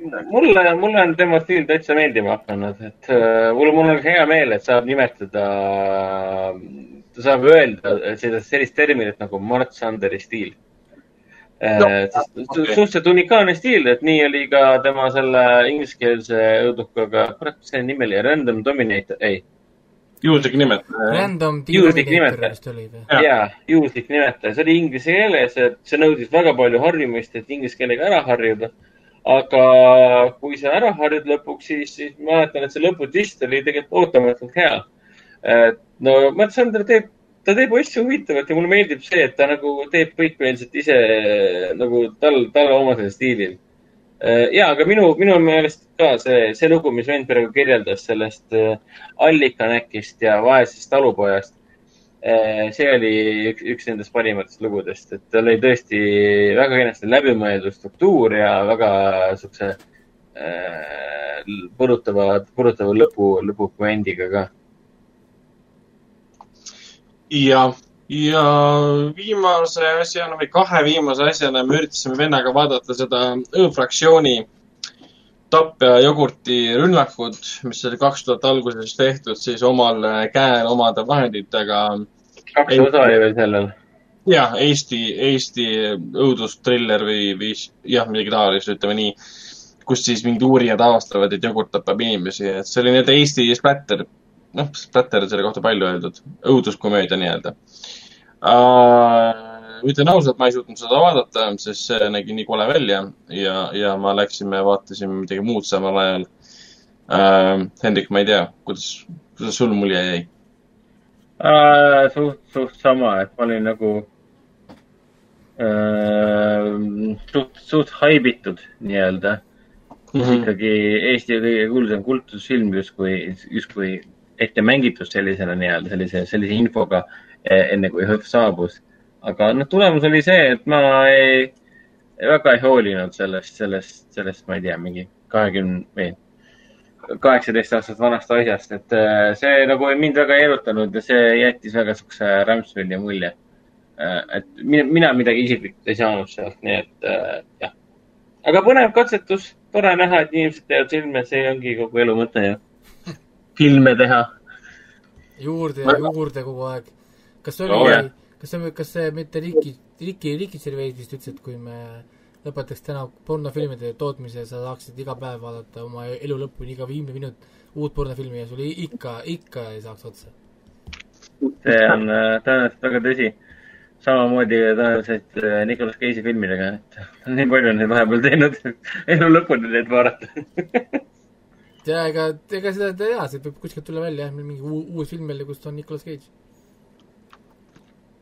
haigus jaa, sellest räägiti pikka aega ju um,. Nicolas Cage teeb iseennast filmis, kus ta on sunnitud mingi terroristi, mingi, igatahes mingi paha mehe jaoks midagi tegema, aga see on, ta räägib. aa, ja, ja, ja ma olen ka kuulnud sellest. kuulsat näitlejat, kes satub sellesse olukorda ja mängib selle omaenda isa või ma ei mäleta, igatahes see oli mingi täiesti absurdne et äh, Nicolas Cage, palun ära kunagi lõpeta ära seda, mida sa praegu teed, sest äh, sina muudad äh, kino talutavaks. aitäh sulle, et sa oled. see, aga ei, see on tegelikult hea, mingi Oscari võitev, Oscari võitnud näitleja paneb nüüd ikka puusalt kõike, mis pakutakse. I mean jah, et kui tahate näha, et milline on, milline on äh, Nicolas Cage'i agendi Äh, elu, igapäevaelu, siis tasub Youtube'i panna kolledži huumori, kolledži huumori video. põhimõtteliselt leiab üles kohe, kui Youtube'i panete. Nicolas Agent, jah. jah, siis see on, siis see on väga kenasti. aga meie viimane HÖFFi film oli siis, äh, noh, mitte, mitte nagu päris viimane, aga selle nimekirja viimane nüüd, oli siis Wakaliwoodi, see oli siis Uganda Hollywoodi film äh, Who Killed Captain Alex, mis on selle kuulsa Reis oli siis esimene, esimene film, ta oli ka kohal, temaga tehti intervjuu HÖFFil. see film ei olnud minu jaoks üldse nauditav. äh,. ma olen tema seda järgnevat filmi näinud, Bad, Bad Black. Bad Black Huffil vaatasime. see, no ma mingil hetkel ütlesin selle filmi kohta võib-olla halvasti, aga pärast Who Killed Captain Alexit ma olen kindel, et see oli palju parem ja ta oligi, oligi igatepidi palju ägedam film. aga asi ongi selles, et Who Killed Captain Alex on null, põhimõtteliselt null eelarvega valminud film Ugandas, kus heliefektid on halvad, kõik on halb, kõik on kohutav. aga ta on halb ja kohutav mitte sellepärast, et ta tehti halvana ja kohutavana teadlikult, vaid olemasolevate vahenditega ehk siis see film näeb välja nagu see oleks filmitud mingi kuskil pildikus mingi suvalise asjaga. see peabki nii välja nägema ja kui sa võtad arvesse seda, et mingid eh, Ugandas elavad eh, inimesed otsustavad, et me teeme nüüd action filmi, kus on tohutud plahvatused, suured sõjad, lahingud, suurlinnade, suurhoonete hävitamised, sõjahelikopterite rünnakud. aga me teeme seda niimoodi, et meil pole ühtegi senti selle tegemiseks ja nad tegid selle ikkagi ära, siis see on nagu tõesti omaette saavutus nagu, et see näitab seda, et mitte keegi ei saa sulle öelda, et sa ei saa seda teha, sest sul pole raha efektide jaoks. ei peagi olema. sa võid lihtsalt teha nii, nagu nemad tegid no ta tahtis teha, ta tahtis teha filmi, aga tal ei olnud eh, raha ega, ega oskuseid tegelikult, et seda teha. aga, aga ta taht-, aga ta tahtis teha ja ta tegi Jah. ära. ja need filmid on tegelikult eh, Youtube'is kõik tasuta vaadatavad. no, aa, no vot, seda enam, seda enam, jah. ja, ja Hüvil oli seda täitsa, täitsa huvitav vaadata, kuigi ta mulle muutus väga väsitavaks. mina, mina jälle olen äh, väga suur fänn. mulle Vakalipuud väga meeldib, mulle Bad Black oli minu meelest see toonase, toonase HÖFFi üks parimaid filme. täiesti, täiesti pöörane, pöörane nägemus, kuidas filme teha. ja, ja, ja see Who Killed Captain Alex oli väga mõnus vaatemäng, sest mis nende filmide vahe oli, Bad Black oli kaks tuhat kuusteist ehk siis kuus aastat vahet oli, kaks tuhat kümme, kaks tuhat kuusteist. et äh, väga, väga põnev oli vaadata, kuidas siis äh, on arenetud Bad Blacki nii. mitte, et Bad Black oleks väga palju erinevam olnud sellest, mida me nägime Who Killed äh, Captain Alexis. Nad on väga sarnased filmid, lihtsalt tehnika, kuidas läheneda asjale veits muutunud, võib-olla karastunum ja nii edasi. aga, aga mis siis endast kujutab, et see niisugune äh, pöörane keelpõses äh, action, pidev peale lugemine käib, et Who Killed Captain Alexi puhul oli see, et mingi vaatad mingi esimesed viisteist minutit seda vaadates, hakkab mingi räme action pihta. kõik on kuskil kõige lihtsamate vahenditega, lihtsalt mingi helikopter on kuskile pandud. lihtsalt, lihtsalt nagu pildi peale nagu on lihtsalt helikopter pandud. ta ei ole 3D helikopter, ta on lihtsalt helikopteri pilt on pandud ja siis mingi tüüp on sinna sisse istuma pandud ja siis ta tulistab. see on nii armas, see on nii kohutavalt armas. ja siis äh, minu meelest, ma ei tea, kes seda peale loeb, kas äkki see on äh, režissöör ise või? ma ei ole päris kindel. Režissöör ise, jah Jah.? ja siis ta vahepeal tuletab publikule meelde, yeah, this is an action movie from Uganda. This is called, you are watching a new movie, it's called Who killed Captain Alex. Now we are going to see Who killed Captain Alex. ja ta teeb seda filmi jooksul mingi kolm-neli korda ja ta tuletab sulle justkui meelde, et ah, great action scene.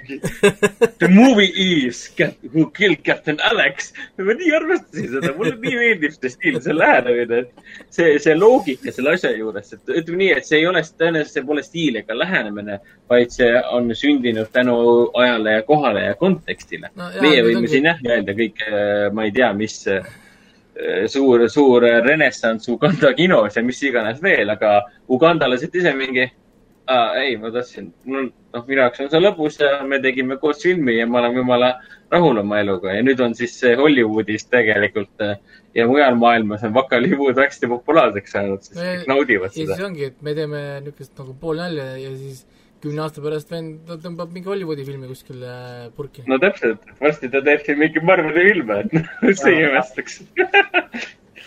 et noh, kes teab, järgmise tüüp See võib oleks- olla ju järgmine, järgmine Taika Waititina. see oleks päris hea mingi keset äh, Avengeri suurt battle scene'i. Now we are going to have a big battle scene. You are watching Avengers something, something. Captain America tuleb, tuleb, tuleb stseeni ja siis äh, reis tuleb peale. yes, this is Captain America. This is Captain America. He is going to fight the bad guy. But where is the bad guy? Oh, he is over there. Okay, they gonna fight now. Okay, let's watch it. It's very exciting. jumala geniaalne, mida, siin ei ole mitte midagi, mis ei saaks sulle meeldida, nagu et eh, jah, et ma olen väga rahul oma, oma, oma, oma eluga, et äh, mul on hea meel, et on olemas Uganda ja mul on hea meel, et on olemas äh, Makalipuud. pluss see ka, et see kõik on äh, tõesti netis nähtav, nii. palju teil siis filme kokku tuli Jõhvilt, kolmteist või? üks, minul oli kolmteist, sest osad ma vaatasin, vaatasin varem enne festivali ära juba. Aga kolmteist filmi oli kokku, mida ma vaatasin otse. niimoodi jah, reedel kolmteist, kolmteist, kolmteist. iga päev vaatasime mingi kolm, kolm, kolm, oli vist, mis see kaua Neli. ajakava meil oli, päris kõvasti neli vaatasime. filmi siis iga päev. jah, jah, ja midagi vahele meil ei jäänud, meil kõik äh, filmid äh, olid ära kuigi mõnda filmi pidime ümber tõstma, et Mutantide rünnakul, mis on Portugali film, ei andnud päev otsa mm, subtiitreid, selle me lükkasime järgmisesse päeva.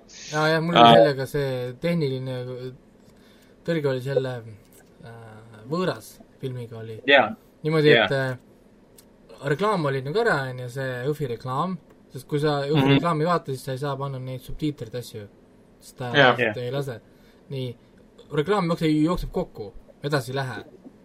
Aga ma ei saanud nagu next panna ega mitte midagi, sest äh, film ei tule, panen refresh, hakkab algusest peale reklaam mm. -hmm. ja reklaam ei ei jõua lõppu, jookseb kokku. ma ei saa, film ei hakka pihta, sest ma ei saa next panna ega mitte midagi.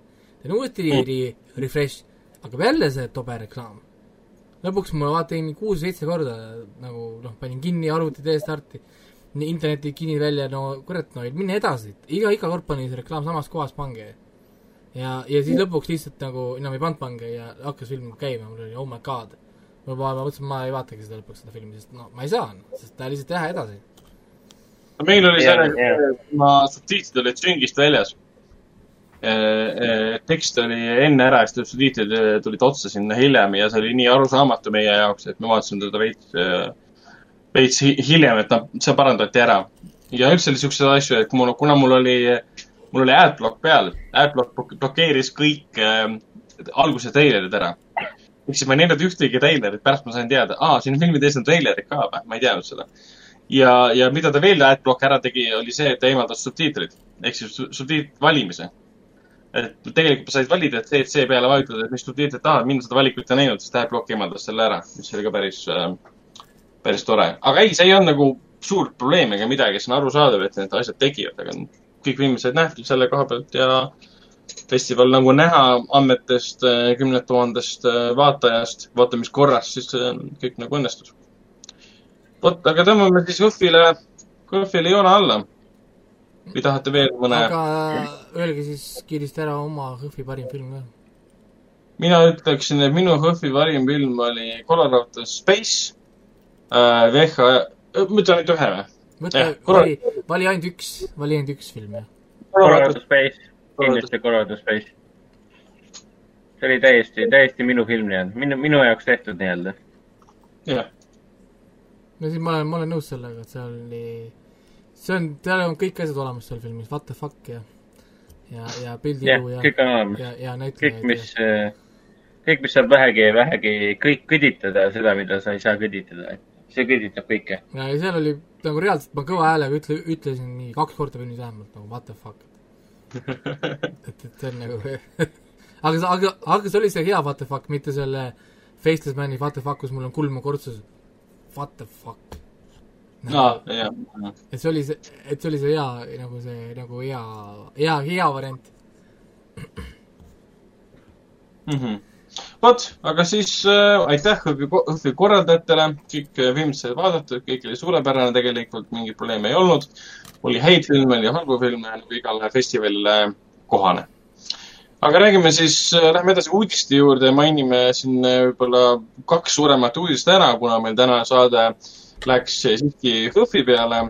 Äh, mainime ära, et äh, siin tegelikult äh, kinod on mõnes mõttes lahti, need on küll autokinod et kinod me teame, et avatakse äh, väidetavalt siis esimesest juulist, nii valitsus otsustas viiekümne protsendi äh, mahutavusega ja vist ka kaks pluss kaks reegliga, vähemalt äh, see oli see viimane info. aga praegu on päris mitu autokino avanenud, et meil on äh, Apollo kino avas oma siis äh, Lauluväljakul autokino. Best film tegi Top autoga, Top autoga mm, koostöös siis Rocca al Mares autokino ja räägitakse, et Saku Suurhallis võib keegi hakata kino näitama, ei tea veel kes ja, ja millal ja kus. ja samal ajal on elektriteatris ka olemas Tartus autokino. ma vaatasin seda Apollo kava ka, et seal vist hind oli, mis see oli, neliteist eurot või? ja, midagi sinnakanti. oota, ma kontrollin korraks üle, mis see hind on, netis saab nüüd osta küll. valiseanss ei tööta. okei okay miks ma pea-, kuusteist, kuuskümmend seitse, mis asja? aa, peab mingi liige vist olema, okei okay.. kui sul soodustust ei ole, siis on kuusteist, kuuskümmend seitse. päris korralik. igatahes äh, ma siin praegu vaatan kava ka, et siin homme näiteks äh, või noh, jah, kuueteistkümnendal, äh, kuueteistkümnendal mail on lastefilm Bamse ja Go-kell uh,. sa ütlesid Go-kell või? Go-kell? Go-kell, Go-kell või? oota, ma vaatan kõuekell, vabandust, kõuekell, jah. kuusteist, kuuskümmend seitse, väga imelik üleshind. jah, täna oli jah, Pamse kõukell, pühapäeval on siin Ivo Linna ja Supernova maailma suurima virtuaalkooriga. esmaspäeval ma vaatan Nugade peal näiteks Knives Out, teisipäeval, üheksateistkümnendal on Valu ja hiilgus. kolmapäeval, kahekümnendal on siis Talve ja neljapäeval, kahekümne esimesel on Gentleman'i Guy Ritchie oma. et no filmivalik on täitsa okei okay tegelikult. ma ei kujuta ette, mismoodi see välja nägema hakkab seal lauluväljakul. sõideti kohale äh,, kontrollitakse, kas autos on kaks inimest äh, ja, ja vaatad äh,. kuigi noh, see filmi, filmivalik on ka muidugi umbes selline, et noh, kõik on, äh, kõik on nähtud selles suhtes uusi nüüd ei ole, Bamse on ainukene uus, uus film, mis ei ole meil kinodes olnud see on see küll praegu, et, et filmid äh, valik ei sobi, ma tahaks minna perega koos, aga selleks, et on mm. mingi eestikeelne animatsiooni pere, perefilm. ma näiteks tahaks, et trollid oleks äh, eestikeelselt dubleeritud äh,, Trollid kaks. no trolli ei saa näidata, seda ei ole kunagi kinni tulnudki. no või mingi, mingi muu animatsioon või asi, mida ma saaks lastega minna vaatama. et jah, Pamse, Pamse on ainukene lastefilm, mis on, mis on kättesaadaval no see on Rocca al Mares äh, Bestfilmi omas Top-Autoga koostöös näiteks on äh, Värske veri parimate kavatsustega äh,. see on siis Eesti lühifilmid, siis on seal Kõhedad muinaslood. ja mis on näiteks Tartu Elektriteatris. keskpäevane praam, Wolfpack Manhattani hundid, Südamering, Kedi, Türgi kassid. see on Wolfpack Manhattani hundid? jah sa ei tea, mis see on või? ei. sellest ma olen äh, kuulnud ja lugenud, äh, näinud, ise ei ole. Äh, see räägib kuuest vennast, kes on terve elu olnud Manhattani korteris luku taga. ja koduõpe ja kõik see. ja, ja nad on läbi imbunud filmidest nagu Reservoir Dogs, Pulp Fiction ja Dark Knight. okei okay ei, ma see, ei ole kuulnudki sellist see on tõesti sündinud lool põhinev film siis film lausa, dokumentaarfilm, okei okay.. selge, uurin, võtan kätte. ja neil on ka Tartu Elektriteatris on Valu ja hiilgus äh,, Islandi Amazon ja, ja Beatid. et lastefilme siin tõesti ei ole praegu, ma vaatan, et see on äh,, no välja arvatud Apollos, kus üks lastefilm on täitsa olemas. aga vaatame. ma saan aru siis, et Rocca al Mares ja Saku Suurhallis on üksteise kõrval siis kaks autokino kohe Saku Suurhallis jah, me, räägitakse, et ta on valmis kasvõi tänase autokino seal avama, et nad selleks ettevalmistused teinud, aga pole teada, kes seal näitama hakkab, kes seda korraldama hakkab ähm,. vaatame, sest noh, asi, asi on ka praegu selles, et meil on esimese juulini tegelikult väga kaua aega, meil on terve kuu veel ees ja, ja terve juunikuu selles mõttes ees, et ähm, ma arvan, et autokinosid võib siia veel tulla, et varsti peaks omaenda aias autokino püsti panema, et naabrid külla kutsuma autodega ei no väga... ma selles mõttes ikka tahan minna küll, aga ma ootan lihtsalt, et ma saaks midagi vaadata. praegu mm -hmm. lihtsalt, et noh, praegu oleks ainult minemine, noh, ainult mine, minemise pärast läheks. aga, aga, aga noh, see peaks olema ikka, ikka nagu lastefilmid, üksinda ma küll, ma jään autos magama, kui ma olen seal üksinda. kui ma vaatan poolteist tundi istuma autojuhi roolis, siis autos magama jäämine nii lihtne, lähen sinna, ma, ma magaks mingi kaks minutit sisse, ma oleks külili maas. no jah, nüüd me teame, kuidas Raiko filmi vaatab, kui sa üksi vaatad ei no autos on küll, autos on liiga mugav, et vaadata filmi. sellepärast ma tahakski proovida, et kui noh, kui sul on perega kolm last on autos, siis sul ei ole seal enam mugav olla, magama sa kindlasti ei jää aga no, kui, kui sa üksinda lähed, siis ma arvan küll, et ma jääks magama, lihtsalt tuleks väga, väga hea, väga hea uni tuleks ka. seda ma usun. aga nojah, selles mõttes äkki järgmisel, järgmisel korral äh, on keegi meist need autokinod ära testinud ja saame võib-olla siis muljeid, muljeid jagada, et äh, mina peaksin äh, pöörduma kõikide tuttavate poole, kes on autojuhid, et rahuleme kinno. no me, me, me saame minna ju kinno, mul on auto. vaatame filmid ära, mida me oleme näinud juba. ei, aga see ei saa ju, vaata, reeglid on ju paigas minu teada. kaks inimest saab ikka autos olla. kaks inimest saab autos olla, jah. et see on ainult see, et äh, kui sul on autojuht olemas, siis autojuht saab minna ainult kas siis oma leibkonnaga äh, või siis pluss ühe inimesega. okei, et leibkond ehk siis perekond saab minna. ja, ja Ah, me pe- okei. pe- perega saaksime minna jah, aga kui me tahaks minna, siis me saaksime äh, minna kahekesi jah, nagu ainult. mina saan Raikoga kinno minna, enne kui koju jääma. jah, et ainus võimalus, aa, sul õel on ju auto olemas, nii et äh, õde kinno. jah, ma saan Raikoga kinno minna niimoodi, jah. on pereliige ju, ei ole. No ta pole te, leibkonna te, pole leibkond jah, mis sest pereliige. aga ma peidan, peidan oma sõbrad ja sugulased kõik enda pagassi ja siis, kui ma pargin ära, võtan oma immigrandid kõik sealt välja ja kõik lähevad kinno ja see on jah, see klauni, klauni, klauni auto, et eh, jõuad, jõuad kohale, on kolmkümmend viis inimest on kuradi autos. aga samas teine asi on ka see, et äh, noh, sealsamas seal Apollo lauluväljaku kino, et äh, ma vaatasin pilte ka tänasest äh, õhtust, koos seal filme, Smilers oli seal ja siis oli see Eesti film seksikomöödia, asjad, millest me ei räägi Mm. oli täna, jah, oli küll. et ma vaatasin neid äh, pilte sellest, kuidas siis kõige tagumistes osades olid ka autod olemas, et autod olid nagu üsnagi äh, eraldatud üksteisest. ja see ekraan on ikka väga väike Mhm. see ekraan on ikka nii väike, et kui sa ikka esiridades ei ole, siis kas sa tegelikult ei näe mitte midagi. kui mina oleksin seal mingi oma autoga kolmandas reas, siis, siis ma ei näeks, põhimõtteliselt ma ei näeks filmi. sest see oleks sama, kui ma vaataksin äh, pisikest äh, kineskooptelekas, telekat omaenda kodus. ma pean lihtsalt lähemale vaatama minema, mis seal toimub tegelikult, sest sa ei näe lihtsalt, mis seal toimub. ja eriti hull on see, et sa lähed oma leibkonnaga, siis okei okay, istud autos või? okei okay,, aga kaks tüüpi istuvad siis ees, aga ülejäänud kaks või siis kolm istuvad taga. mis nad vaatavad siis kahe, kahe äh, tooli vahet siis seda filmi või- kuidas nad täpselt seda vaatavad, lasevad istmed alla või? seal, kus siis see, toovad piknikuruumi või? ma ei teagi, kuidas see, noh, ma pole ühtegi korda autokinos käinud, ma olen näinud neid terve hunnik no Eestis pole ju kunagi olnud, siin Lasnamäel äh, kunagi aasta-kaks tagasi oli vist. aga- seal aga noh., seal Santa Monica rannas on üks hästi suur äh, välikino äh, autode jaoks ja olen mitu korda mööda kõndinud või noh, nagu äh, näinud ja siis mulle meeldib see, et seal ei ole ekraan mitte otse niimoodi või noh, nagu otse ees, vaid ta on nagu ülevalpool. Mhm. noh, nagu Jah, täpselt, ta on nagu, ta on nagu ülevalpool mingi niisuguse viieteistkraadise nurga all. nagu Mhm. hästi kõrgel üleval, nagu niimoodi.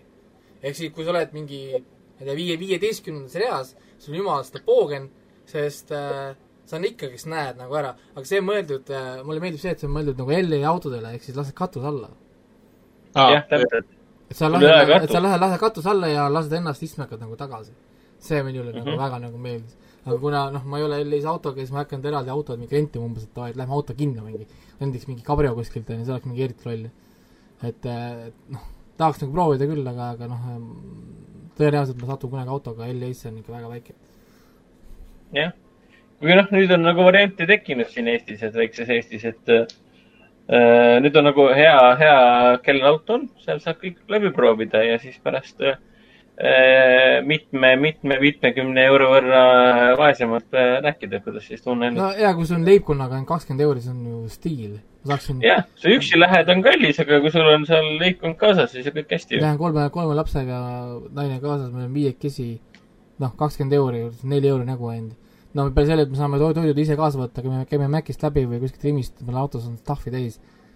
ehk siis sa, Lähed autoga esiritta, lapsed sülle kõik ja kõik vaatavad õudset filmi. on lased katuselugist lapsed välja. lapsed katusele, ongi valmis, noh. lapsed, lapsed istuvad katusel. väga hea, kusjuures ma selle peale ei mõelnudki enne. lapsed katusele. et selles mõttes jah nagu, et aga vaata, tead, see ekraanimure on küll, ma ei tea üldse, kui te, kui suured need ekraanid on ja kui madalal või kõrgel nad on, mis on, kui, kui ma tulen sinna oma mingi ho-, mingi Hummeriga või, või mingisuguse Toyota Hiluxiga või noh, mingi, mingi auto, mis on mingi, ma ei tea, kolm meetrit kõrge, noh. noh, ega ta minu taga ei näe ju mit-, noh, keegi siis ju, või, või, või ku- kuidas seda, ma ei tea, peakski proovima, tahaks näha, kuidas nad niisuguseid asju teevad, et või, või Jah. yeah. kas nad siis määravad kohti sulle, et umbes sa tuled mingi kõrgema autoga, siis sorry, sa lähed mingi kümnendasse ritta, et sa ettepoole või minna või või kuidas, kuidas, kuidas see nagu käib, et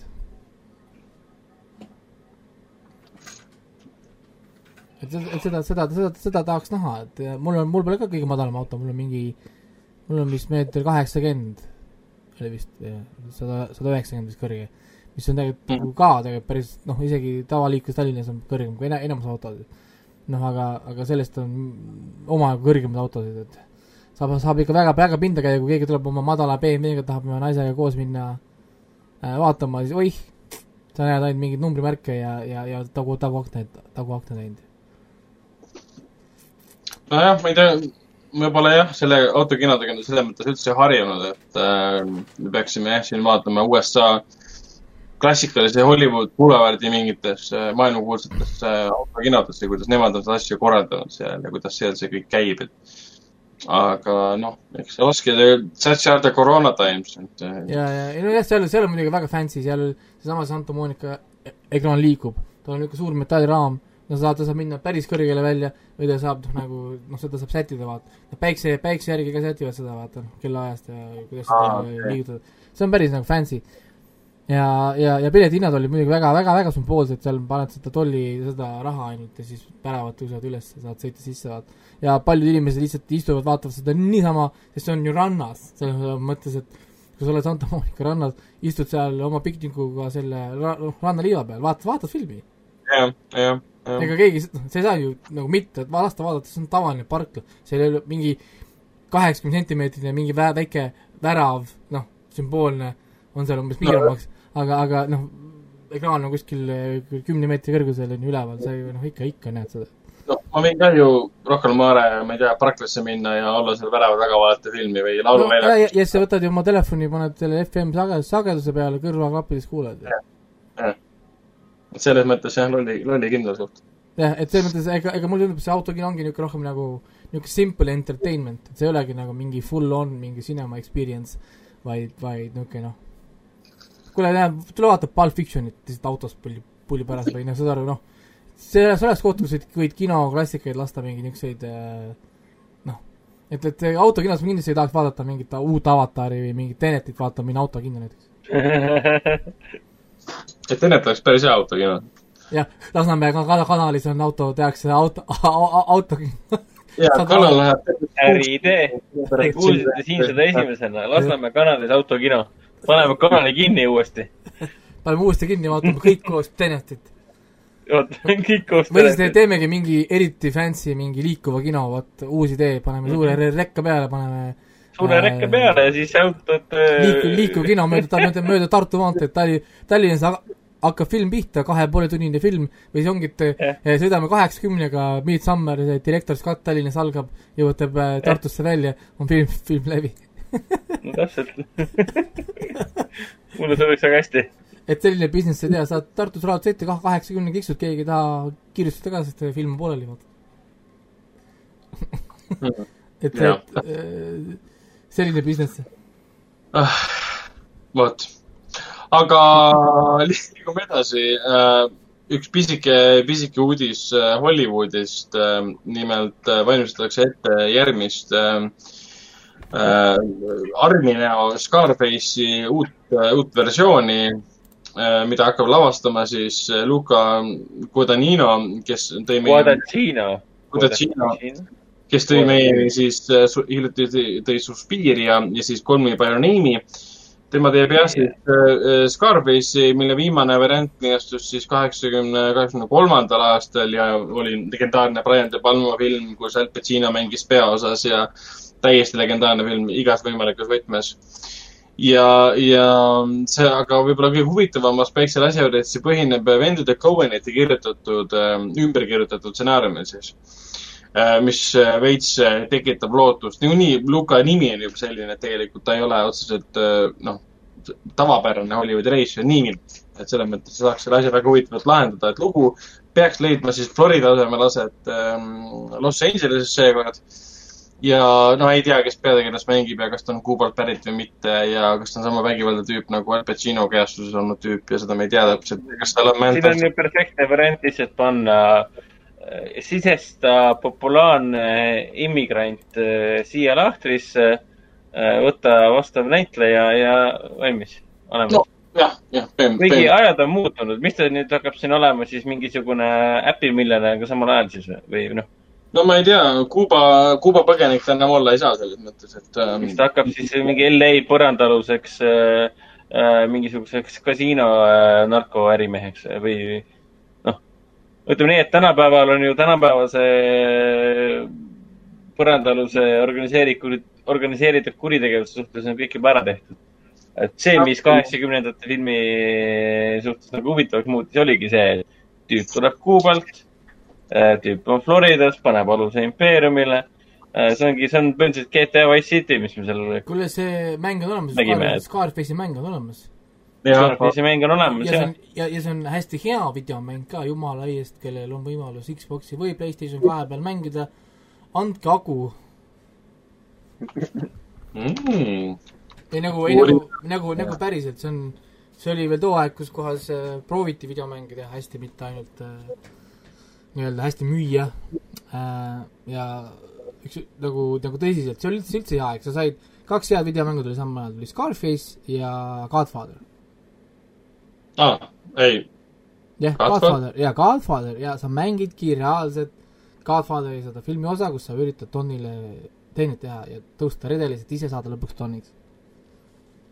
okei, ja väga head mängud on, nagu kõik läbimõeldud, ilusad suured linnad, kõik on väga detailne, kui filmi, filmi vaatad, siis kõik kohad leiad, leiad, leiad, leiad üles. Väga lahe. üritanud üles leida.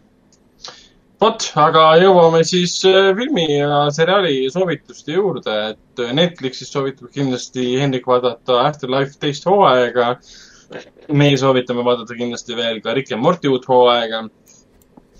Ja hiljuti lisandus sinna ka siis Searching, mida me alles äh, värskelt vaatasime ka. mis mul iga kord, kui ma seda äh, näen, siis mul tuleb meelde, et äh, kui, kui, ma ei tea, kui, kui mehh film see oli. okei okay., see on sinu arvamus kõigest, nii et Wow. äh,. mida hell, see on kõigest minu arvamus. kas sa praegu, kas sa praegu koostasid mulle Big Lebowskit või? ja see on nagu sinu arvamus. Ainult sinu, oota, oota, mitte lihtsalt nagu sinu arvamus, vaid see on ainult sinu arvamus nagu. see on kõigest, kõigest ainult sinu arvamus, mees, see, tüüp. Netflixis on olemas ka siis The Eddie, millest ei ole väga palju enam miskipärast räägitud, see on siis Damien Chazelle uus esimene seriaal tegelikult. ta on siis äh, La La Landi ja, mis ta oli, La La Landi äh,, ja First Man'i. Whiplashi ja First Man'i reisijal. Issand jumal, Damien, Damien Chazelle tegi First Man'i, täiesti uskumatu. ja muidugi kõige tähtsam asi, mille pärast üldse Netflixi omada, on The Last Dance. no of course. see on, see on puhas kuld lihtsalt, siin ei ole, siin ei pole isegi midagi vaielda, ma käisin enne, vaatasin IMDB-st, üheksa koma viis punkti on keskmine hinne. oh sa kurat. et nagu noh, see on lihtsalt, see on lihtsalt õnnestunud teemavalik on õige, kõik, kõik on nii lihtsalt. et, et see on see on, see, vot sa neto mu emale seda ka näiteks, see, see ei ole umbes, oo, see on mingi sportkorvpall, teda ei üldse huvita. ma garanteerin sulle, kui ta hakkab vaatama seda, ta, ta jääb seda vaatama. okei, okei, siis ma, ma, ma, ma vaat-, võtan ta ette. mul on see plokk väike ees, siis ma, ma mõtlen, et me ei tea midagi korvpalli. järgmine, järgmine saade, venna, järgmine saade, me, meiega Raikoga küsime, kuidas, kuidas su emale see meeldis. jah, ma üritan, jah, et, et siis küsime, kuidas see Ragnar emale meeldis ja järgmine kord küsime, kuidas see Hendriku, Hendriku emale meeldis. jah, täpselt, jah. ehk kuidas sarja algus meeldis siis Ragnari emale ja kuidas siis Henniku emale meeldis äh, äh, sarja lõpp. joo, teeme nii, et Hendriku ema vaatab äh, Tiger Kingi siis. et äh, las Jaa., las Ragnar, las Ragnari ema vaatab The Last Dance'i, aga, aga, aga Hendriku ema las vaatab siis Ti- Tiger Kingi. see on äh, hea võimalus, kuidas väärikas vanuses naisterahvas hulluks ajada eriti, eriti kiiresti. ma mõtlen just Tiger Kingi. Tiger King on, see on omaette teema tõesti, see on ikka väga nagu okei okay,, noh ma hakkan ka vaatama, ma ei ole siiamaani viitsinud vaadata, ma ei tea. Ma olen kuidagi üle küllastunud juba sellest. ega, ega mina ka, ma jätsin kallale, siis mõtlesin, et vai, et ma viskan peale, vahepeal vaatame va,, vaatame, milles see kogu täide. hype siis on. ja siis hakkad vaatama, siis nagu holy shit nagu, mis asi see on? ja siis vaatad ja vaatad ja vaatad ja siis tegelikult saad aru, et see on, see on ikka world class do- documentary making, et nagu noh, väga no- väga jõhker.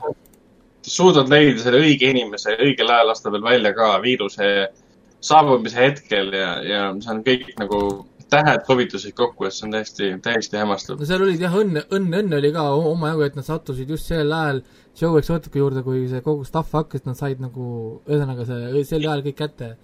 ühesõnaga jah, seal omajagu õnne oli ka meestel, aga no eks õnn ikka soosib neid, kes on äh, va- valmis äh, oma võimalusi ka kasutama ja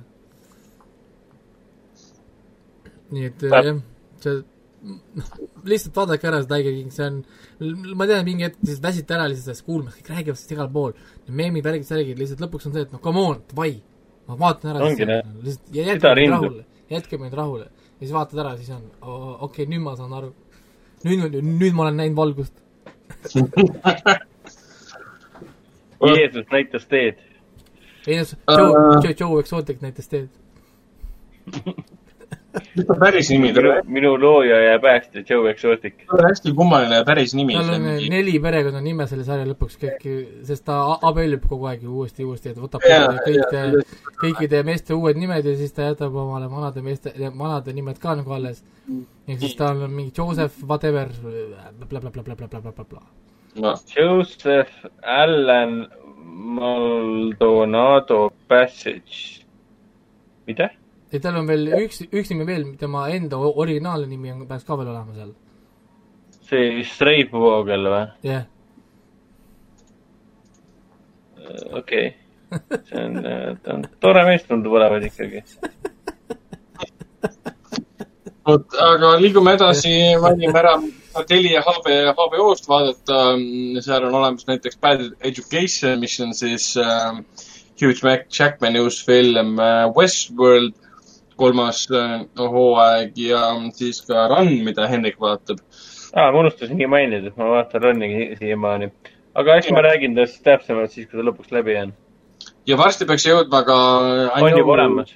on juba olemas Mark Ruffalo uus äh, miniseriaal I know this much is true, mille reisijal on Derek, Derek Cianfrance, kes on siis see legend-, legendaarne on, ma kasutan liiga palju.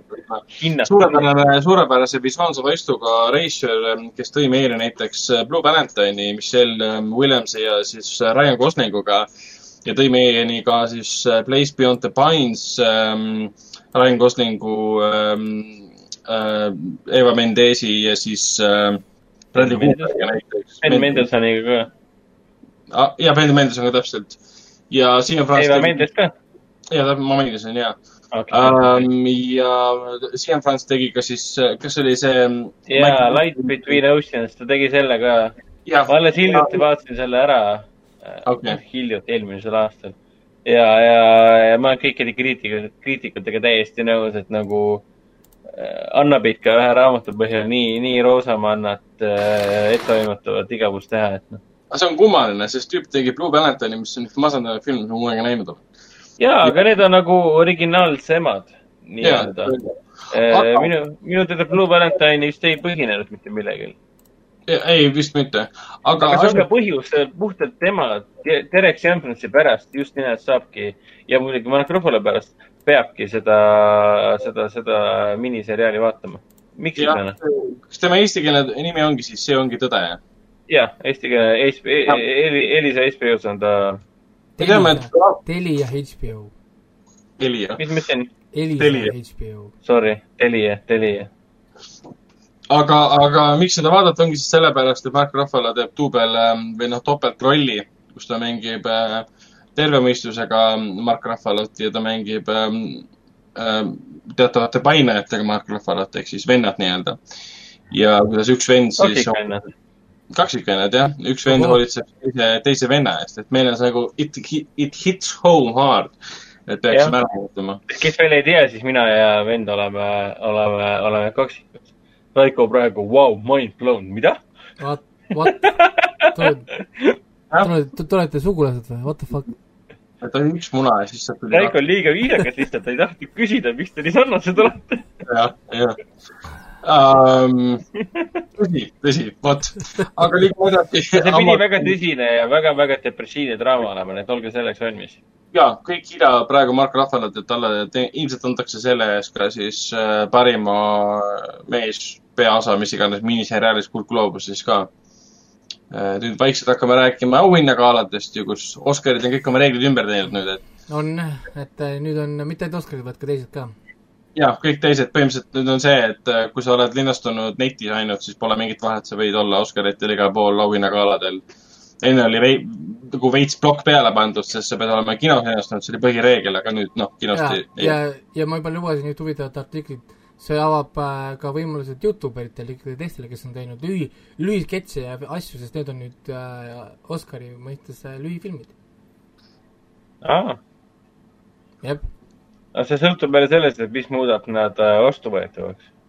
et äh, kõik Et muud, mis- mis- kõik muud tingimused jää- jäävad ikkagi, ikkagi samaks, jah, et sul pikkused ja mingid, millal ta on äh, noh, nagu avalikustatud ja blablabla bla,, need kõik jäävad ikka.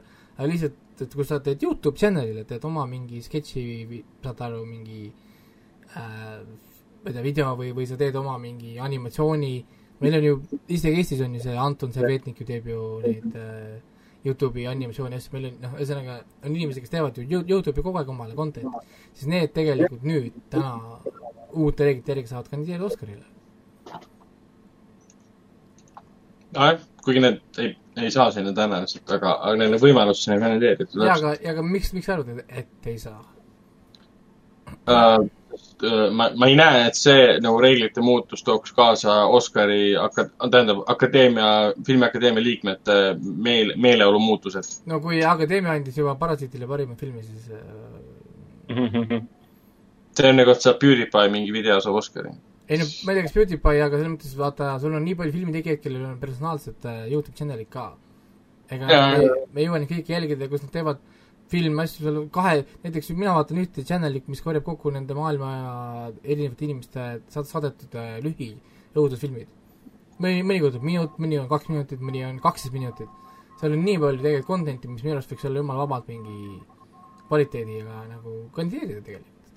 et Mm. noh, aga see on Youtube, see on lõpp, see on üüratu ala, aga see muidugi, see tähendab seda, et sa pead ikkagi kandideerima, keegi ei otsi neid sinu eest, vaid nagu noh, sa pead ise saatma, sa pead kandideerima, seal on mingid tasud ja, ja igasugused muud, muud asjad ka nagu, ehk siis see, see muidugi seab jälle omaette noh, nagu piiri ja piirangud. aga ma tahaks näha seda tegelikult, see oleks päris huvitav, et oh, parim Oscar läheb ma ei tea, whatever, Joh-, Johannes whatever kuskilt äh, riigist, sinu mingi lühifilm äh, või ani-, animatsioon Youtube'ist.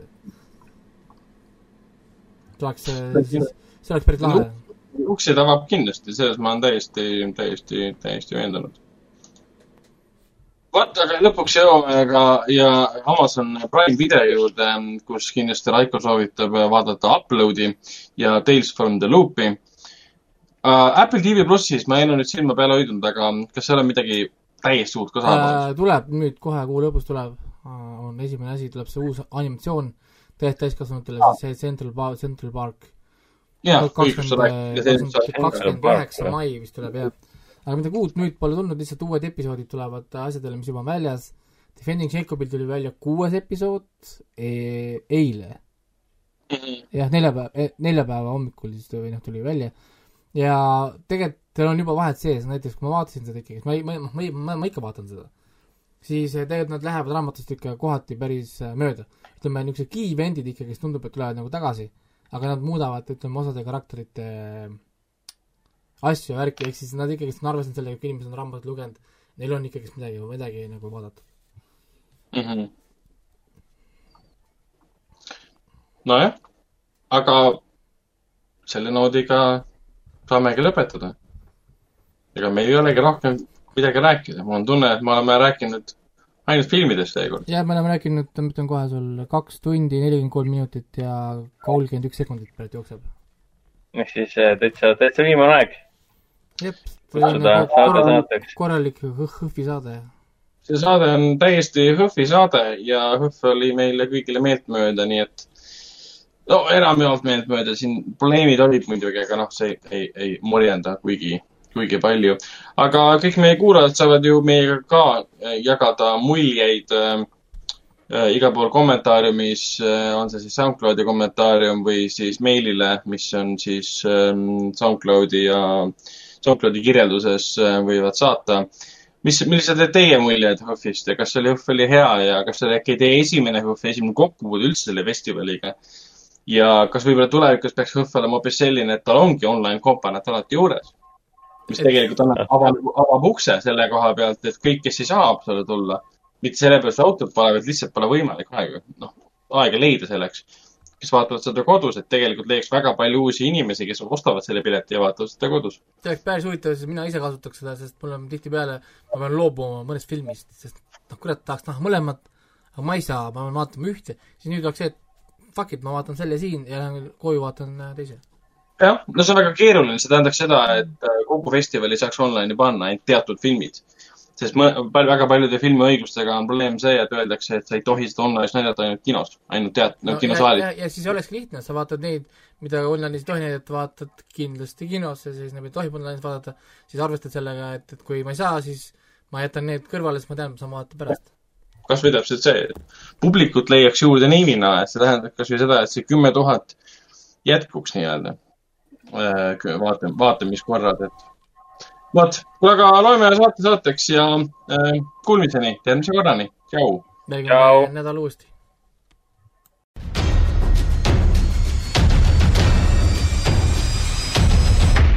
kinoveebi Jututuba podcasti toob teieni Foorum Cinemas.